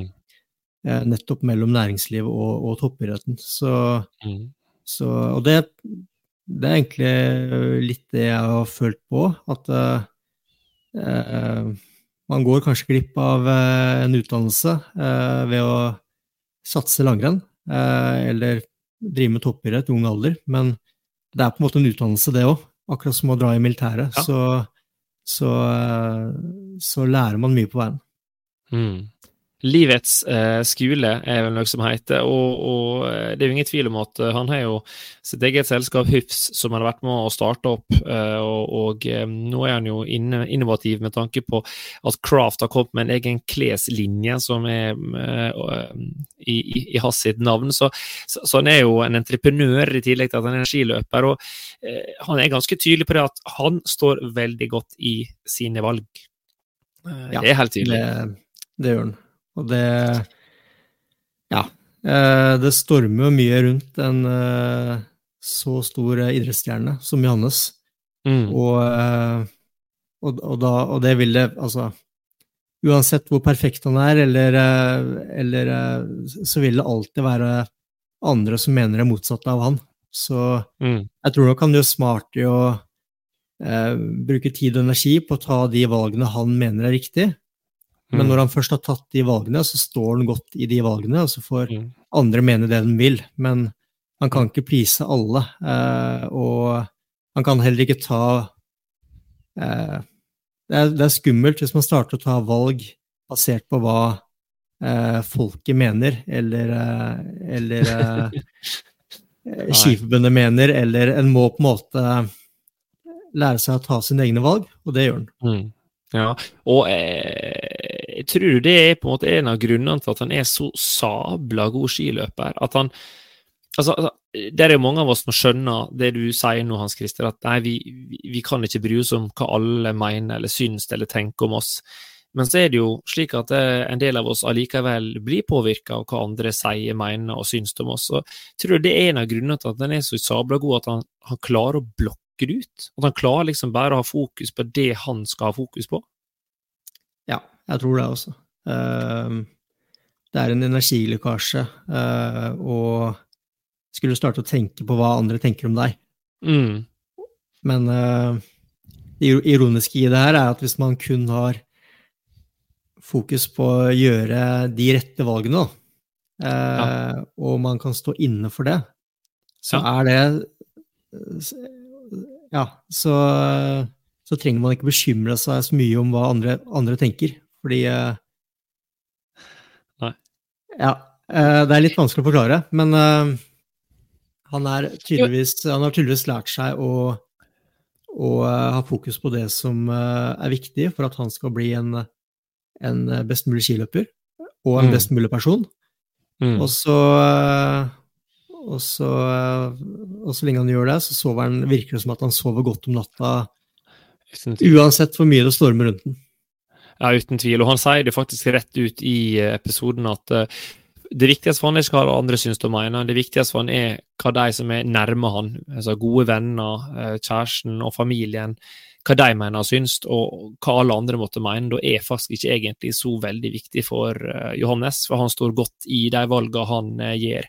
Og så må jeg si, for en som jobber som trener, å høre Johannes beskriver så lidenskapelig Altså, det, hvordan det er å vinne et skirenn, det syns jeg var ja, Det er helt fantastisk. Og eh, det, det er jo annet når du er der live enn en hvis jeg skal vi, set, vi skal sikkert legge ut den videoen, men han beskriver det å vinne skirenn, at det må være som å ta heroin, eller hva han sa, altså dop.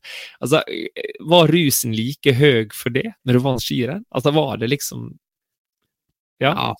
Ja, eh, det, det er jo på en måte en sånn intens glede som kommer, som, som det er veldig vanskelig å gjenskape på andre arenaer. Eh, Mm. og eh, Johannes er jo ikke den som er kjent for å eh, vise det mest utad. Eh, når jeg ser på skirenn, så ser det ut som det er andre som blir eh, langt mer glad enn hva Johannes blir.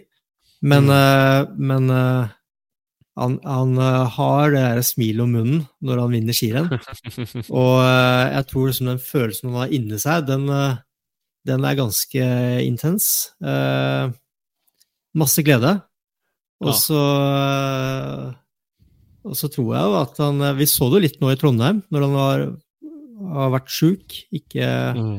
hatt en litt sånn uh, middels start på sesongen, og så når han da vinner, så syns jeg at han eh, klarte å vise det litt mer utad da, enn hva han har gjort før. Ja.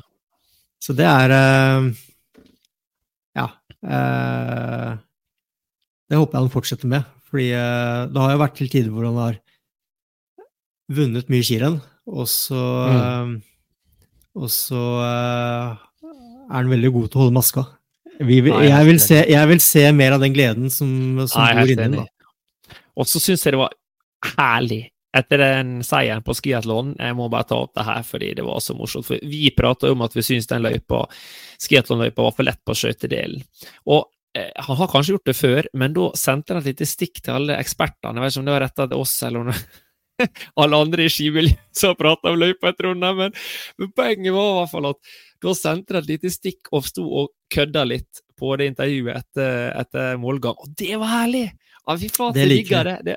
Ja, det var så deilig. Og eh, Hans Christer, vi, du Vi skal ikke prate oss vekk fra episoden med Johannes, men vi, vi skal jo spise sokker uh, på et eller annet tidspunkt. Uh, vi Nei, men det er, det- er Jeg ble glad sjøl når jeg så at uh, løypa faktisk ja. skilte litt. Jeg, det hadde jeg ikke trodd på forhånd. Så jeg spiser med glede sokkene mine hvis uh, vi får se Ja. et lignende skirenn til neste år i VM. Det er, uh, ja, det er, det er uh, eh, er Kjedeligste skirennet jeg ser, er når det bare er samla felt, og det er ingen som, Ja. som på en måte tør å prøve, eller som ikke gidder å prøve fordi de, de skjønner at det ikke er mulig. Mm. Men her så skjedde det mye underveis. Eh, mm, jeg er helt enig. hva som er uh, Skøyteløypa er jo lett på papiret. Vi gikk jo samme løypa i eh, Eller deler av samme løypa i NM i eh, 2021. Ja, Eh, 2021. Stemmer. Mm, mm.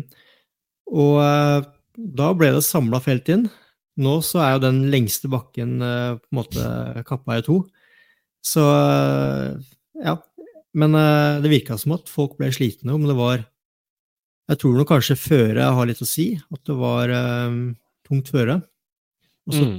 tror jeg også Nå har jeg aldri gått skirenn uten fluor før, men jeg mistenker jo at det er litt tyngre å gå eh, uten fluor under skia, og det gjør at uh, de lettere løpene blir ganske tunge. Mm.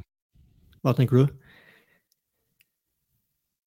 Uten tvil. Jeg, jeg var inne bare fort og sjekka på det, og Nei, jeg er enig, for jeg tenker at uh, løpstida er jo betydelig lengre på skiatlon noen av dere gikk NM i uh, 2021, så det, det, er jo ingen tvil om i det hele tatt. Um, og så um, Ja, så er det klart, det er vanskelig å vite hvor mye dette været som var der, utgjorde i forhold til hvor tøft det var å gå, da. Uh, det var skikkelig trøndervær. Usikker på om det ble røbbel, om det ble klister, eller om det, hva de skulle gå med. så det var mange um, hensyn å ta, men, men iallfall den, den glimset av eh, litt sånn stikk til ekspertene etter målgang fra Johannes, eh, med glimt i øyet. Det er herlig. Johannes, det er flott. Fortsett med det der og vis For du er en leiken person. Det syns jeg var helt herlig. Og så jeg nevner han én ting også i podkasten som jeg syns er viktig å få fram. Han hyller jo Byåsen, altså klubben sin, eh, og hvor viktig den har vært. Um, føler du at uh, klubber generelt i Norge blir dratt fram nok? Altså, nå, var det mye diskusjon i helga om uh, hvorfor norske herrelandslaget er så gode, og hvorfor de norske herreløperne, ikke kun landslagsløperne, men, men Elon-løperne som Henrik Dønnestad, hvorfor er vi så gode? Jeg føler liksom aldri blir trukket fram at det er jo klubbene som skaper nye talenter gang etter gang etter gang. og så Du kommer ikke på elitelaget før du er ofte 22-23 år. Da er jo nesten 80-90% av jobben gjort. Så, mm. så, hvor viktig er liksom klubbene hans, Christer, i Norge? Det er uh, utrolig viktig. Det er klubbene som gjør jobben, egentlig. Og idet en utøver kommer på et landslag, så, så er utøveren allerede god. Eh, jobben er gjort. Eh, landslaget satt litt på spissen. Det er ikke landslaget som, som gjør de gode utøverne gode, det er klubbene. Og og de eh, lagene de er på før de kom på landslag. Eh, mm. Idet du er på landslag, så er du allerede der du er. Eh, og så kan man så klart eh, heve seg litt, men, eh, men eh, jeg tror ikke at det er det norske landslaget som eh, skal ha æren for Ikke all æren, i så fall, for de gode resultatene. Jeg mener at det er klubbene og den jobben som blir gjort fra utøveren er 10 til 20-25 år. Det er eh, Og hvis jeg bare ser tilbake på min karriere, så Jeg var jo Nittdal eh, fram til jeg ble eh, tredje-fjerde års senior. Eh. Og hadde jo en kjempereise som junior. Hadde et veldig godt miljø. Så ble jeg senior, og så hadde ikke Nittdal uh, en, en, seniorgruppe, så da ble jeg trenende mye for meg sjøl. Og uh, jeg kom ingen vei med det før jeg bytta klubb til uh, Lyn. Kom inn i et nytt mm. miljø igjen. og det er jo den jobben vi gjorde i Lyn de årene.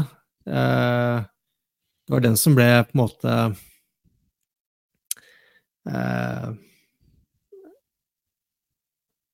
ja, avgjørende for at jeg eh, fortsatte å gå på ski, og at jeg eh, ja, kom opp på landslaget og starta å prestere i World Cup.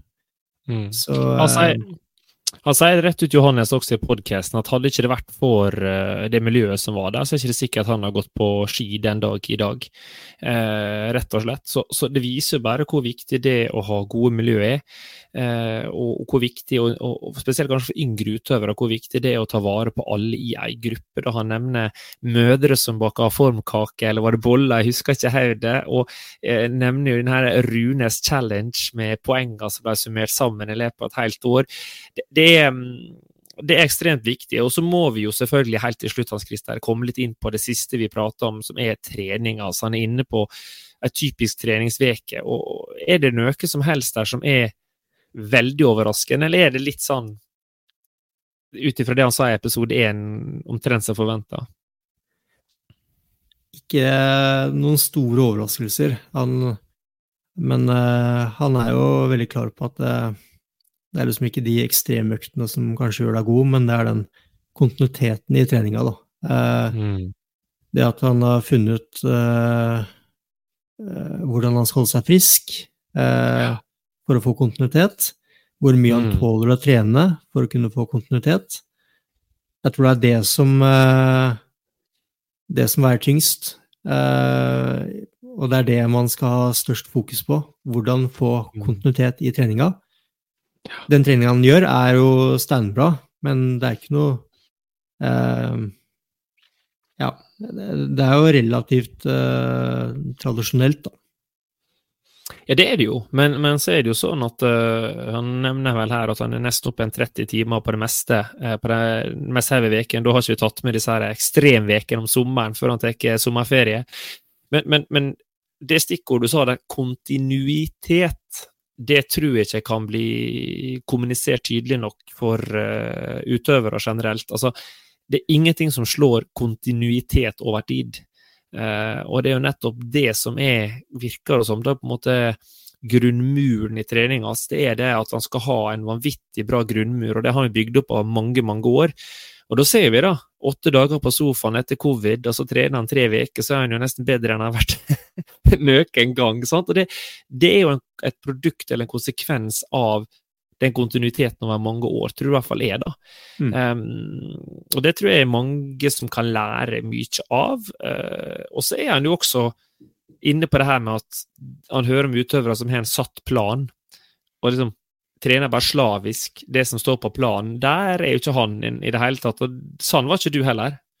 Nei, og det er uh, veldig godt poeng det han tar opp der. Fordi uh, uh, å sitte på en søndag og, og vite hvordan kroppen er på en fredag, det er selv de beste klarer ikke det. men man kan lage, man skal selvfølgelig ha en plan, man skal legge inn nøkkeløktene.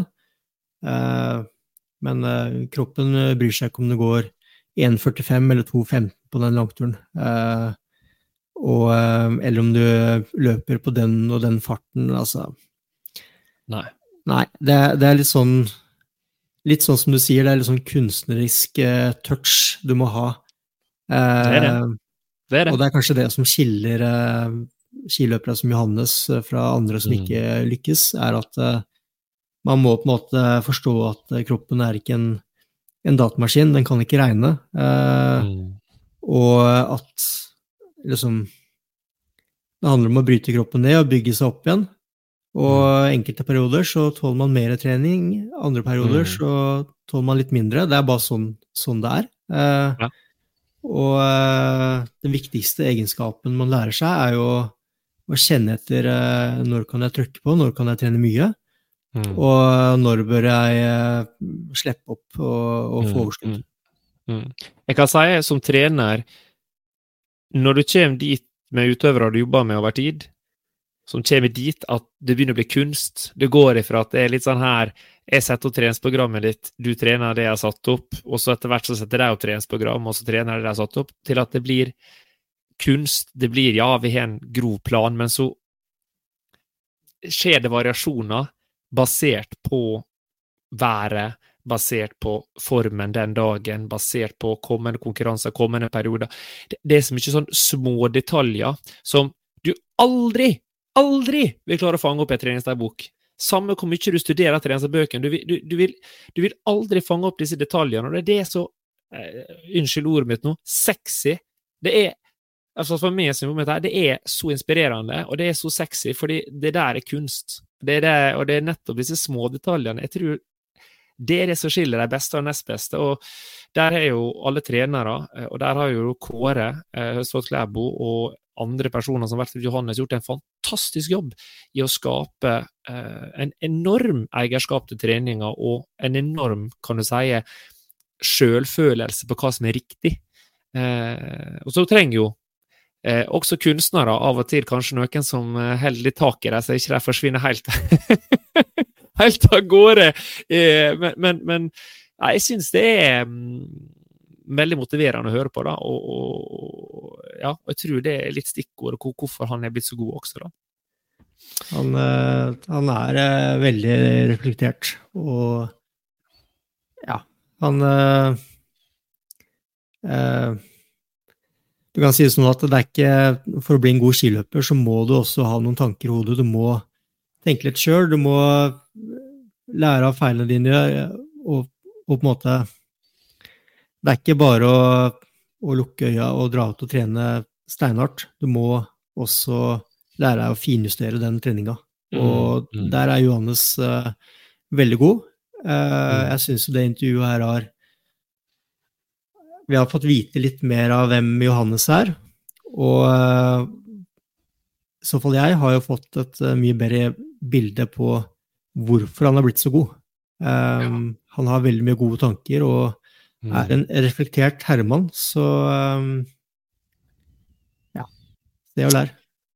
Nei, det er rett og slett bare å lytte og lære, alle som er en som har hørt på podkasten. Det er masterclass, det er vel det det heter, når du kan, eh, kan høre på folk som er ekstremt dyktige noe, og, og lytte på deres sine tanker. Jeg tror vi skal legge død den ballen, første del her nå, som er rett og slett en liten sånn eh, diskusjon og prat fra meg og det, Hans Christer, om eh, den siste episoden om Johannes Høstflot Klæbo. Og så må vi teppe litt inn om det som skjedde i prøve-VM eh, helt til slutt i dagens podkast-episode. Det er mye å gripe tak i fra prøve-VM i Trondheim. Og Hans Christer, vi kan faktisk ikke gå innom alt. Eh, Det er for mye. Eh, Vi får heller komme tilbake til det neste uke har på den podkasten som kommer ut da. Men vi begynner med en av fire punkt som vi har satt ned, som vi syns er litt morsomt å prate om, og det er kvinnesprinten og et vanvittig oppløp fra ei viss jente fra Konnerud. Eh, hva, hva syns du om det der? Eh, Hun, hun viser jo en vinnervilje som, eh, som er helt ekstrem. Eh, Hun er egentlig litt på felgen, altså, etter semien. Hun kom vel akkurat videre Ja. fra semien, var det på Lucky Loser. Mm. Mm. Ja. Og så, eh, og så klarer hun å grave frem noen krefter på oppløpet der som, eh, som var veldig, veldig imponerende. Eh, Mm. Så jeg føler liksom at vi får se mer og mer av hvem Skistad er. Og for min del så har det vært i positiv retning. Jeg får mer og mer sansen for. Det, fordi før så har det vært litt, ja, men før så har det vært litt vanskelig å vite hvem er Skistad. Fordi, eh, fordi hun har jo vært litt forsiktig med å si for mye da, sånt i intervjuer. Mm. Men eh, Mm. nå ser vi mer og mer av eh, hvem denne dama her er, og ja, det er Hun er jo en utradisjonell skiløper, da. Jeg syns det er veldig For meg så er det stor underholdning å se hun gå gå sprinter. Mm. Jeg liker liksom eh, at hun har litt sånn eh, Kan kødde litt med svenskene, og at det er litt, litt sånn eh, er rivalisering der, på en måte.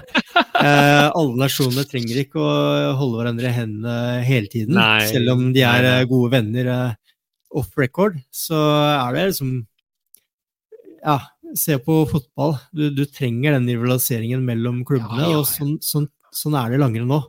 Eh, før så hadde vi Russland. Eh, de er ikke med lenger, så nå er det ekstra viktig at vi kan eh, skape litt sånne småfighter med våre svenske naboer.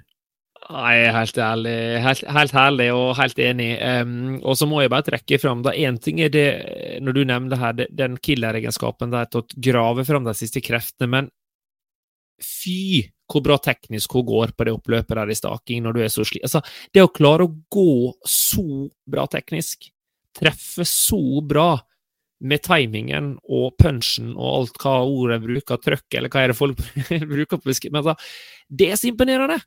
Det er, er så imponerende. Så lager Sofienlund og Kristine Stavås Skistad Dere gjør en fantastisk jobb uh, ute i Konnerud der. og um, det der viser igjen også at det, ja, det er jo selvfølgelig blodvolum, og det er HB-masse, og det er styrke og alt mulig sånt, men altså Det å klare å gå bra teknisk på et oppløp når du er så sliten, det handler også mye om fokus, tror jeg, og det handler mye om terping på detaljer i treningsarbeidet i forhold til teknikk. Så det også er utrolig imponerende, for det, er så rått når det har sidekamera, så får du sett liksom hvor treffer. Det er, og det er innslag også.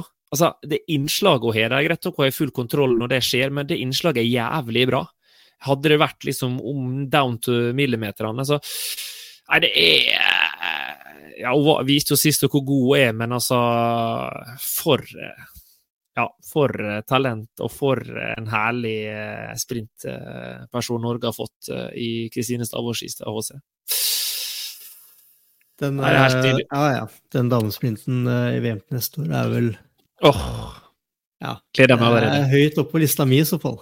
Ja, det er det. Og vi må eh, nevne en annen nordmann i positivt fortegn. Eh, vi nevnte han på podkasten. Henrik Dønnestad. Eh, Første pallplass i World Cup. Avslutta som en tornado der på siste runde. Kalle Halfarsson. eh, Aner ikke hvem han er. Hvem er denne Dønnestad? Det er et bra klipp på TV 2 for øvrig, hvis du ikke tok referansen. Er du overraska? Pallen på han? Nei, jeg er ikke det. Um, Kort og konsist. Nei, altså han, han gikk jo en 10 km på, på Gålå eh, helga før hvor det så ut som han eh, han gikk en sprintprolog, liksom, i 10 km. Mm. Så, Mm. så Men så, ja eh, Sprakk han jo litt sant, på den eh, skiatlonen dagen i forveien. Så eh, ryktes, det ryktes eh, ja, Borte der jeg var på Skankup, så ryktes det jo at ikke alle kanskje hadde helt optimale ski på klassisken, uten at de skal ja, uten at de skal legge skyld på noe. Men, men, eh, men, men det er nå så. Jeg er enig. Skiatlon var nok litt under det både jeg og du hadde tenkt, men, men den klassisken er jo sjukt bra. Det er, og spesielt det han gjør, gjør eh, siste kilometer. Uh, han er jo ikke en han er ikke den raskeste utøveren, men eh, han har jo en finish som eh, nesten matcher Pål Johannes sin. Så, Mm. så eh, ja, det er gøy å se at en, eh, en sliter av en skiløper virkelig får betalt. Fordi han har jo liksom ligget gått litt under radaren for de aller fleste, men uh, Mm. har jo hatt enkelte skirenn som har vært uh, world class. Og uh, Mm. så det er gøy at han får det til, da.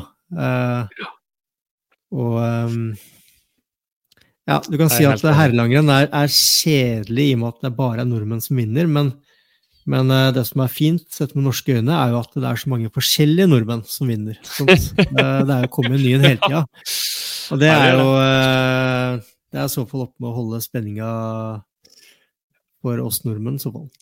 Ja, det, det er helt riktig. Og, og det, vi, apropos det med gode nordmenn. eh, Det vi skal hardt også over eh, norsk skiløper. eh, Som nevnt, eh, Dønnestad har pallplass fra World Cup. Er ikke å finne i Tour de Ski-laget som er tatt ut eh, for herrene. Eh, Og eh, ta oss litt vekk fra World Cup. Der er det en annen herremann som sikkert er skuffa over ikke å være med. Kanskje flere herremenn som er skuffa over ikke å være i troppen. Men jeg tror også en viss Matti Stenshagen, som leder Skankupen totalt, er skuffa over å ikke være i den eh, startoppstillinga. Eh, det her står ganske tydelig i sesonginformasjonen til Skiforbundet at det, blir gjort en vurdering ut ifra posisjoner i sprint, distansecup, overall leder World Cup, så, så det er nå så. Men, men det er hardt å være norsk skiløper, altså. Det, du leder Skankup på utgangspunktet, har friplass i periode to, men nei, dessverre. Det er, det er så mange andre gode. Ja, ja, ja. Det er, eh, det er jo urettferdig, ja. Eh, Vi skulle jo helst hatt et par plasser til. Mm. Men eh, Stenshagen hadde absolutt fortjent og godt. Han eh, Han, eh, Jeg tror han har gjort det bra i Tour de Ski totalt, altså. han har hadde gjort det det veldig bra på de seks første etappene, og så hadde han nok hadde nok tapt en del uh, opp Alpsermis uh, ut fra hva han har vist før. Men uh, Ja. han eh, Jeg tror Tour de Ski eh, hadde passa han veldig, veldig bra. Eh, Så uh, han, altså, han er en utøver som når han er i form, så går han fort i skøyting, klassisk, uh, distanse, sprint. Eh, har en god avslutning, spiller ingen rolle, så han, han er jo lagd på Tour de Ski, bortsett fra den kanskje siste dagen, da. Eh, Ja. Så er det jo Dønnestad, pallplass. Eh, Mm. kanskje litt lik skiløper som det jeg var. Eh, god Mm. i begge stilarter. Mangler farten. Eh, at en, en som tar pallplass i World Cup, ikke får gå Tour de Ski, var jo helt uhørt for eh, bare et par år siden. Så det sier litt om bredden. Du har jo Ja, det- Iver Tillem Andersen, som, som også egentlig har prestert i hele år. Så Og i motsetning til Stenshagen, så så tror jeg kanskje ikke Tour er lagd for Iver. Han er eh, enn så lenge litt for dårlig i sprint og klassisk, Mm. men den siste dagen eh, opp Monsterbakken, der hadde han tatt mange plasser, altså. Det, heller, det hadde han. det, jeg skulle ikke sett eh, Iver. Jeg skulle likt å sett Simen mot Iver opp der. Det Ja, det det hadde vært spennende.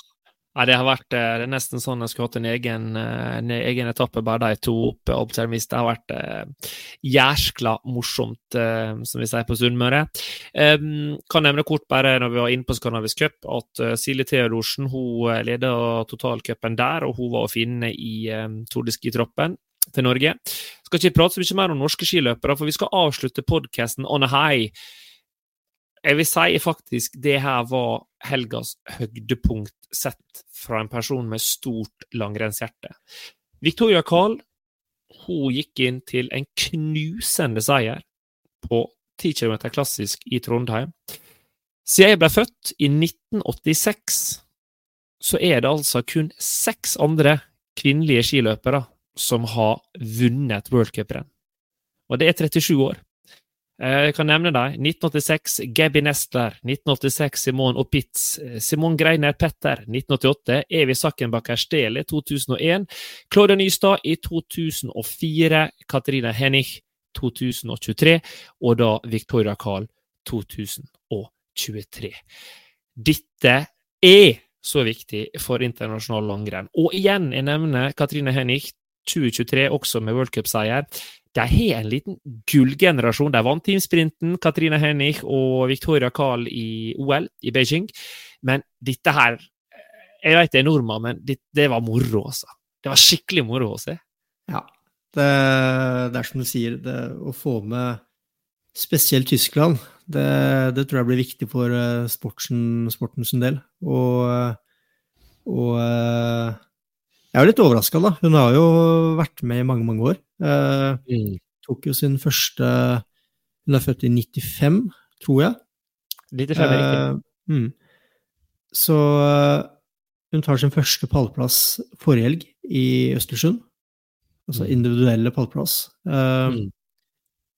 Og er jo åpenbart i veldig god form. Hun, hun var vel i finalen nå i Trondheim på sprint. Hun var topp seks, jeg tror hun var nummer seks på, på skiatlonen. Mm. Så hun er jo, eh, når hun er i form, så er hun jo en, en allrounder, og hvis hun klarer å holde på, på den formen hun har nå, så, så Mm. kan jo hun seile opp som en av eh, favorittene før eh, Mm. I så fall pallfavorittene før Tour de Ski. Så Jeg er helt enig. Hun er, hun er ganske komplett. God i skøy- skøyting, god i klassisk, god i sprint. Uh, igjen, siste bakken kan kanskje være litt tøff, men hun er ikke så dårlig i en lang motbakke heller, skjønner du. Uh, Ut ifra sånn som den Østersundløypa, som er ganske tøff, da, så, så har hun nok ganske bra motor. og jeg må nå bare teppe inn på det da, når vi, når vi er inne på det her med Victoria Karl, at eh, det, er jo en bok som heter Den kvinnelige skiutøver, som er skrevet av mange dyktige personer i Norge, så er ingen nevnt, ingen glemt. Men det er en flott bok, og det omhandler om dette her at også for kvinner en må ta tida til hjelp. Altså, en, en, det tar tid å bli god. Eh, det tek, for de fleste, det, det er ikke alle som bare kommer som et stjerneskudd, om det heter Thomas Alsgaard og Bjørn Dæhlie eller Johannes Høstflot Klæbo. De fleste de bruker litt tid, og slår ikke gjennom før de er 26-27 år. og Victoria Carl er jo i så måte et bevis på det her, hun også. Uh, det er um, mange andre kvinnelige utøvere. Anne Kjersti Kalvåkur vi nevnt fra siste år, som liksom får sitt store gjennombrudd. Eller Astrid Øyer Slind, uh, som også får sitt store gjennombrudd. Er over 30 år nå og gjør det i World Cup. Uh, hva er det som er så vanskelig, tror du, med å slå gjennom tidlig? Uavhengig om du er mann eller kvinne. Er det noe godt svar på det, HC? ja, altså Langrenn er jo en utholdenhetsidrett, og, og eh, det tar tid altså, å bygge den motoren. Uh, Mm. Hurtighet er litt mer, en litt mer medfødt egenskap, og så må man Ja. være utholden for å kunne stå alle heatene til en finale, men, men uh, det tar tid å bygge den arobe basen. Og Mm. så kommer det jo litt an på hvor tidlig man starter å trene òg, da. Ehm, jeg er ikke sånn veldig fan av den Ingebrigtsen-metoden, om at når man skal starte å, å være proff fra man er åtte år. Altså, da går man jo glipp av halve barndommen. Så det er jo en brutal måte å, å, å drive toppidrett. Men uh, hvis man uh, tar Victoria Kall, da uh, Det kan hende at hun ikke starta å trene seriøst før hun var 18 år, da. Nå er jeg litt ute på tynn is her, fordi jeg, jeg vet ikke også Og, og juniorverdensmester. Okay. Junior Ok. juniorverdensmester, så hun, hun var nok eh, jækla god som, som junior. Eh, men, men, men som du sa, jeg kjenner ikke til treninga til Victoria Karl eksplisitt, eh, så der er jeg også på tynn is. Men, men jeg tror liksom for å sammenfatte litt med det starten av denne episoden handler om, som var Johannes Klæbo, kontinuitet slår alt, og det å trene over tid slår alt. Så, så det er jo det her å stå i det i mange år eh, for å til slutt bli den beste versjonen, tror jeg er, er noe som mange kanskje glemmer i en inneværende sesong. Da, at en, det, det er vanskelig å tro å tenke mange år fram i tid, men det er jo det som kreves, hvis du til slutt skal bli best, i hvert fall. Vi må i så fall nøste opp litt i treninga til Victoria Kahl, fordi det er veldig spennende når, en, når Tyskland får opp en ny, uh, ny utøver. Eh, de, har jo, de er jo kjent for å uh, ha en helt annen treningsfilosofi enn hva vi nordmenn har.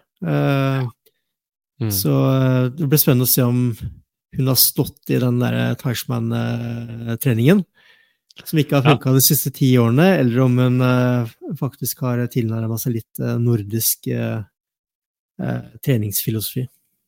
Det, er jeg helt enig med deg, og jeg tror det var visord her på slutten av eh, dagens episode. Eh, Vi må jo da med andre ord få tak i Per, som da jeg kjenner litt, eh, som er trenerkollega. Jeg trener for det tyske landslaget, også trener for Frida Karlsson. Det kan jo være at noen av hans sine skandinaviske tanker har han klart å nå gjennom med, eller kanskje det er Teichmann-trening, hvem veit. Jeg minner bare om igjen, følg oss veldig gjerne på Hans og Holum på Instagram. Send oss spørsmål. Vi lover at når vi kommer på nyåret, så skal vi ha en Q&A. Der skal vi ta alle spørsmålene. Jeg tror det har kommet inn Hans Christer, 50-60 spørsmål uh, allerede rundt trening. Så vi må ta alle spørsmålene, i hvert fall en del av dem. Og vi skal svare etter beste evne. Med det så tror jeg både jeg og Hans Christer vil ønske alle sammen som hører på vår podkast, ei riktig god jul. Det nærmer seg julaften, og så må dere ha ei strålende romjul. Vi kommer tilbake med en ny episode i romjula på torsdag, som alltid klokka tolv. Ha en strålende dag.